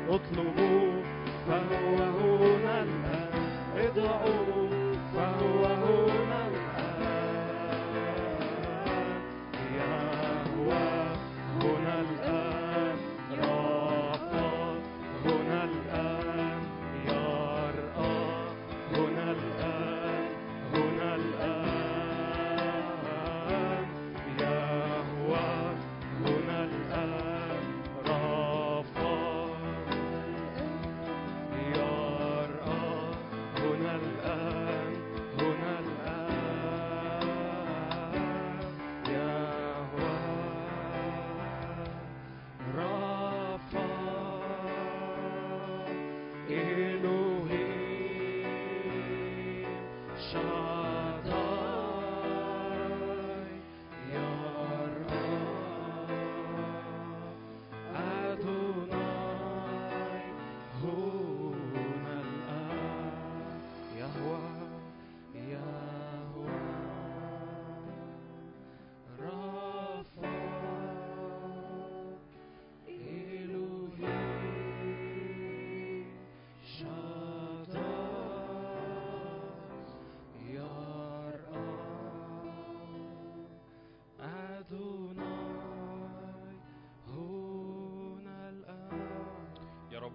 بصلي تاني يا رب السلام كان جوايا قوي إن إحنا محتاجين نتنقع في سلام يسوع.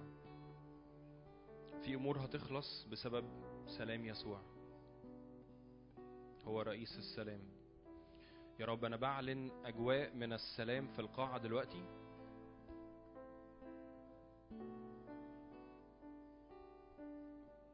سلام الله الذي يفوق العقل يملأ الآن. يملأ الآن يملأ الآن يملأ الآن يملأ الآن يملأ الآن ويفيض الآن. السلام هو المفتاح يمكن بقول ده كتير الوقت اللي فات هو المفتاح إن نكمل السنين اللي جاية.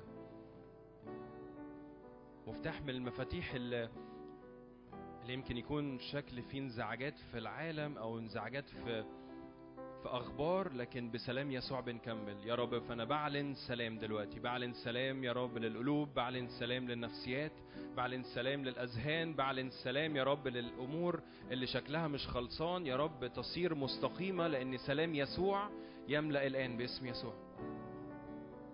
استقبل سلام لأن السلام ده هو اللي هتكمل بيه الوقت اللي جاي. هو اللي هتكمل بيه في في الحتة اللي انت هترجع فيها إن كان عندك آه، مشاكل في بيتك أو مشاكل مع العيلة أو مشاكل مع شغلك أو ايا كان اطلق سلام. مش بس تسمع اللي أنا بقوله لكن حط الحاجة اللي شكلها مش عارف تعمل فيها حاجة وقول له يا رب سلام على على الحاجة الفلانية دي. إن كان مثلا شغلك فقول له يا رب سلام على شغلي دلوقتي. إن كان حاجة ليها علاقة بعيلتك قول له يا رب سلام لعيلتي وسلام يا رب لأفراد العيلة. من المكانة من بوزيشن كده بتاع رئيس السلام اتحرك من رئيس السلام. يا رب يا روح الله تعالى بقوة دلوقتي في النفسيات تعالى بقوة يا رب من أجل يا رب صلوات وتشريعات يا رب تخرج بشكل معجزي دلوقتي باسم يسوع. يا رب أنا بصلي الأراضي كل أراضي هنا قدامي. يا رب سلام دلوقتي يا رب سلام يا رب سلام يا رب. مش كلمة بنرددها لكن يا رب من المكانة من من مكانة يسوع من ميراث يسوع الكامل. سلام الله سلام الله سلام الله سلام الله الذي يفوق العقل. سلام الله دلوقتي. يا رب من الهدوء والطمأنينة يا روح الله ده. تعالى يا رب كمياه تعبر في القاعة دلوقتي باسم يسوع. مياه منعشة مياه منعشة يا روح الله تعالى بمياه منعشة دلوقتي. يا رب تعالى حرك مياهك دلوقتي تعالى حرك مياهك الآن. استقبل مية منعشة دلوقتي. تعالى استقبل تعالى يا روح الله تعالى يا روح الله تعالى يا روح الله أكتر. تعالى يا روح الله بنطلبك بنجوع ونعطش أكتر. من أجل سلامك من أجل مياه منعشة من أجل الفرح من أجل ال- البهجة من أجل يا رب الخلاص يا رب اللي كل حتة في أجسادنا دلوقتي. يا روح الحكمة والإعلان. هب علينا الآن. يا روح الفهم والمشورة. يا روح الحكمة والإعلان. يا روح الحكمة والإعلان. يا رب الاستقبال أفراح من العرش دلوقتي. يا رب أنا بصلي سماء جديدة دلوقتي. يا رب مش بس سلام لكن يحصل فرح و- وبهجة غير عادية. كل الناس هنا بقالها وقت كانت بتعيط وتبكي وكأن حزن شديد وكأن كآبة شديدة. يا روح الله حرية الآن في محضرك باسم يسوع. هي بهجة في القاعة وفرح غير عادي فرح غير عادي وبهجة غير عادية باسم يسوع. تهلل وافرح بالرب.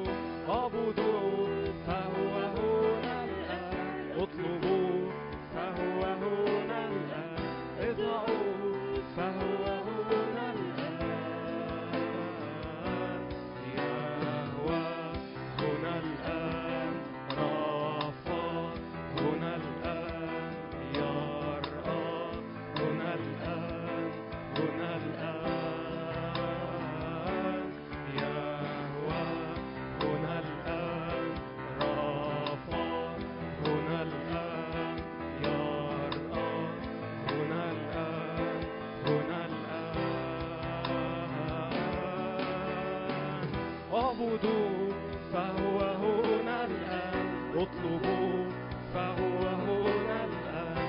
ادعوا.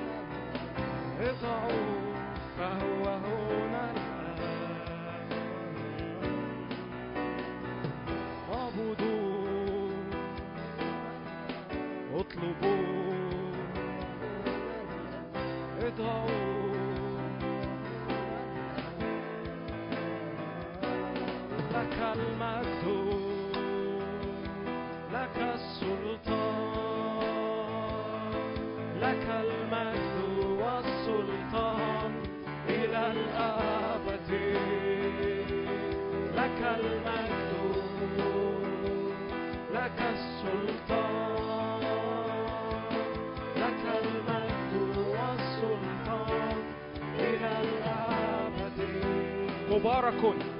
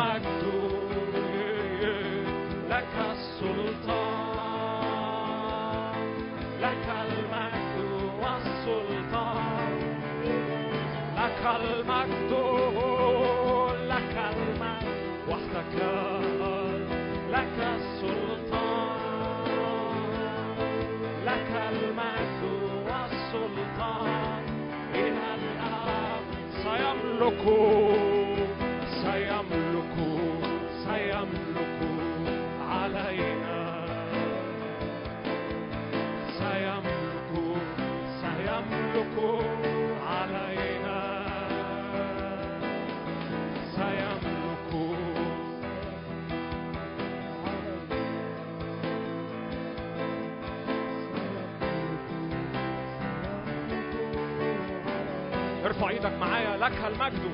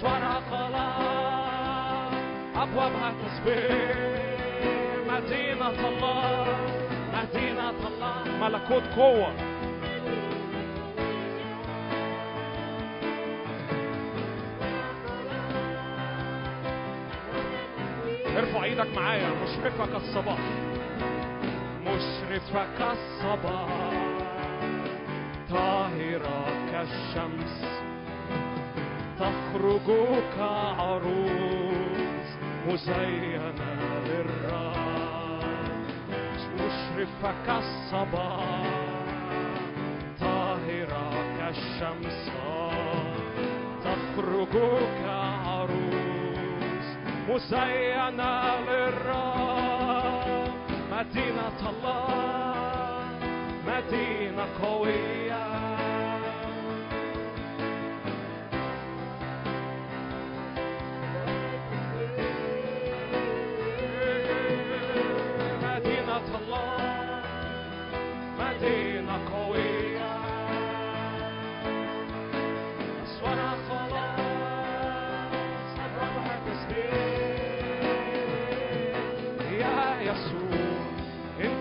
أنت بتغني أغنية. إيه هي بقى؟ أغنية محبة فرح وسلام. يا يسوع أنت بتغني.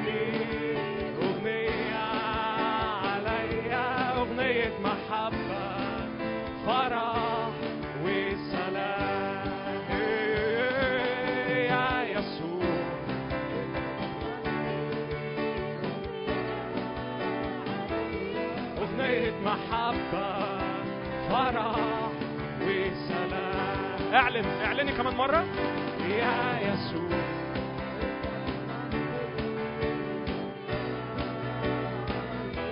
أغنية محبة فرح وسلام. أنتوا لوحدكم من غير مايكات خالص؟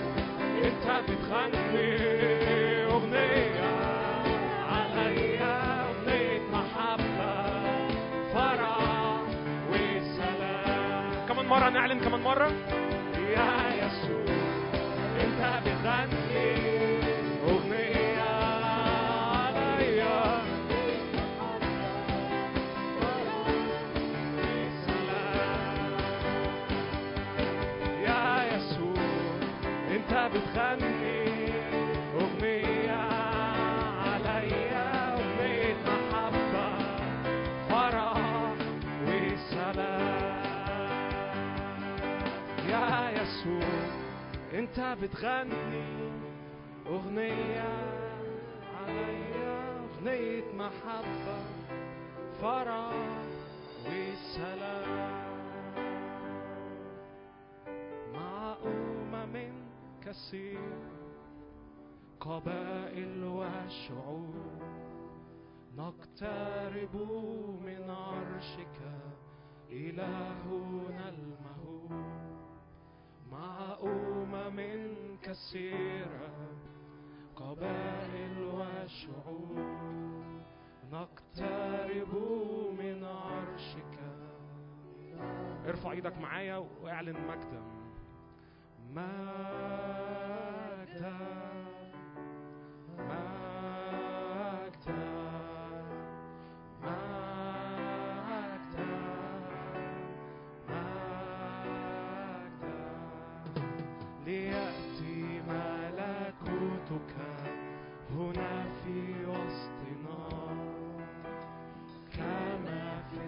كما في السماء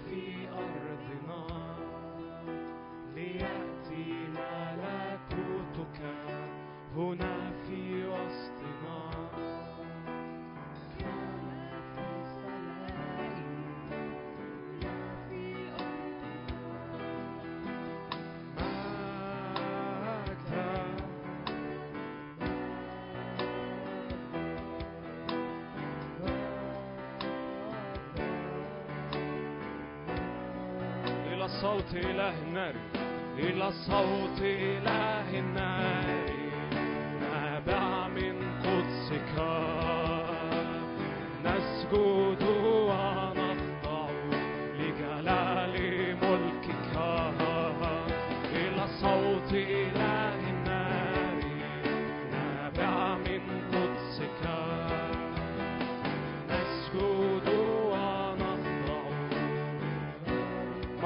هنعلن إلى صوت إله النار إلى صوت إله النار نابع من قدسك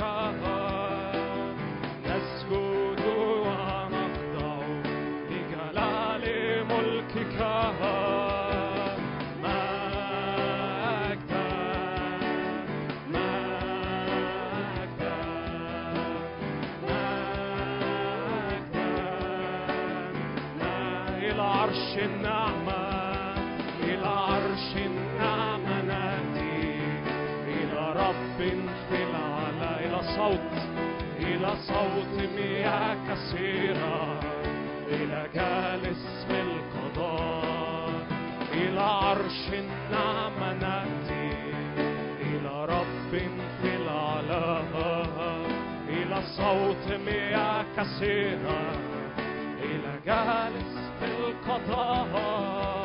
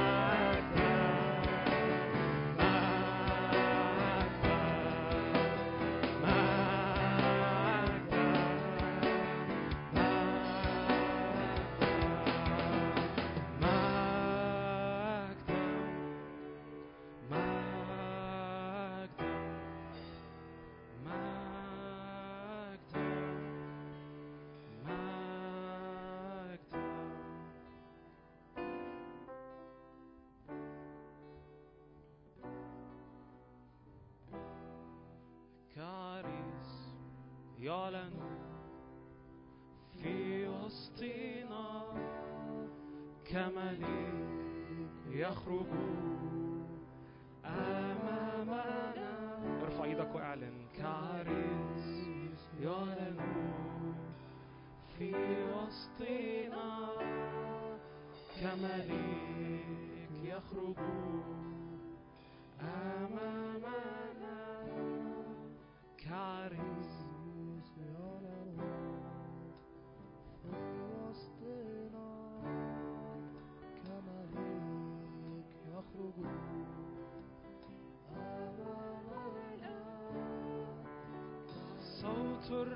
الرب أراد فوق المياه. مجد الرب يملأ يخلق حياة. صوت الرب أراد فوق المياه. مجد الرب يملأ يخلق حياة. يقدح لهب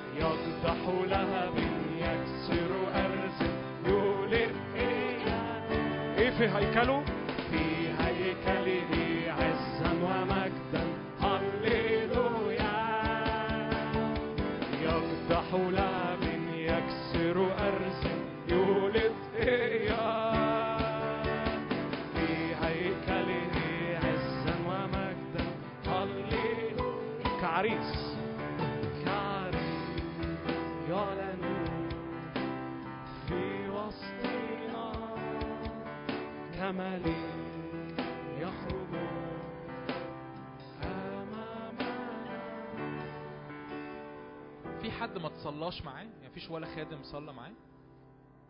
okay. okay. okay. ممكن تخليكم رافعين ايديكم علشان الخدام يتحركوا لكم okay. إحنا معانا لحد إمتى؟ معناش. طب هم الأربعة اللي رافعين إيديهم خليكم رافعين ايديكم عشان اتحرك لكم حالا. خليكم رافعين ايديكم بس عشان الخدام يشوفوكم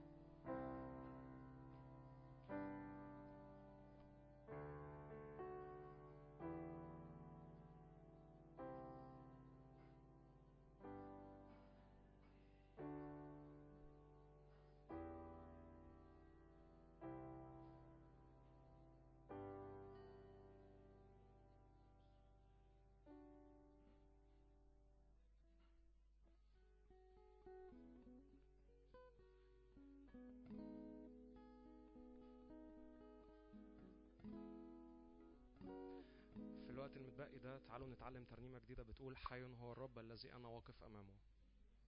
حد واقف دلوقتي قدام الرب؟ حد مصدق؟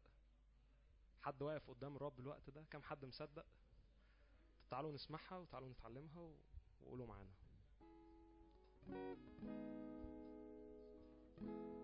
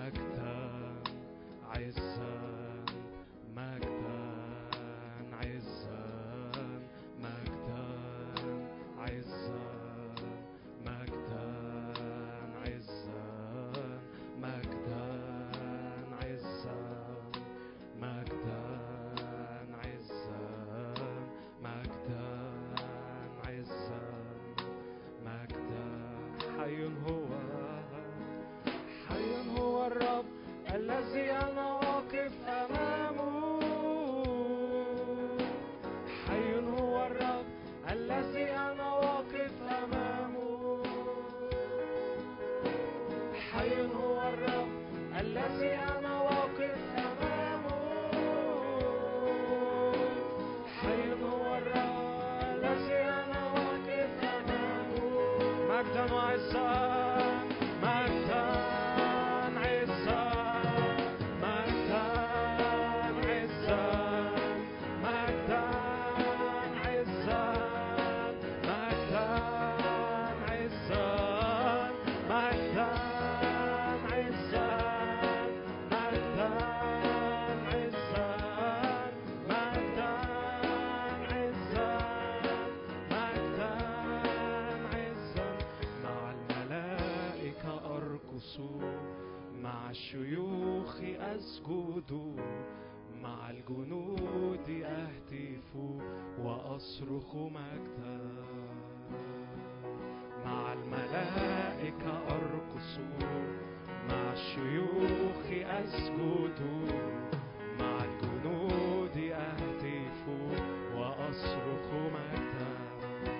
مع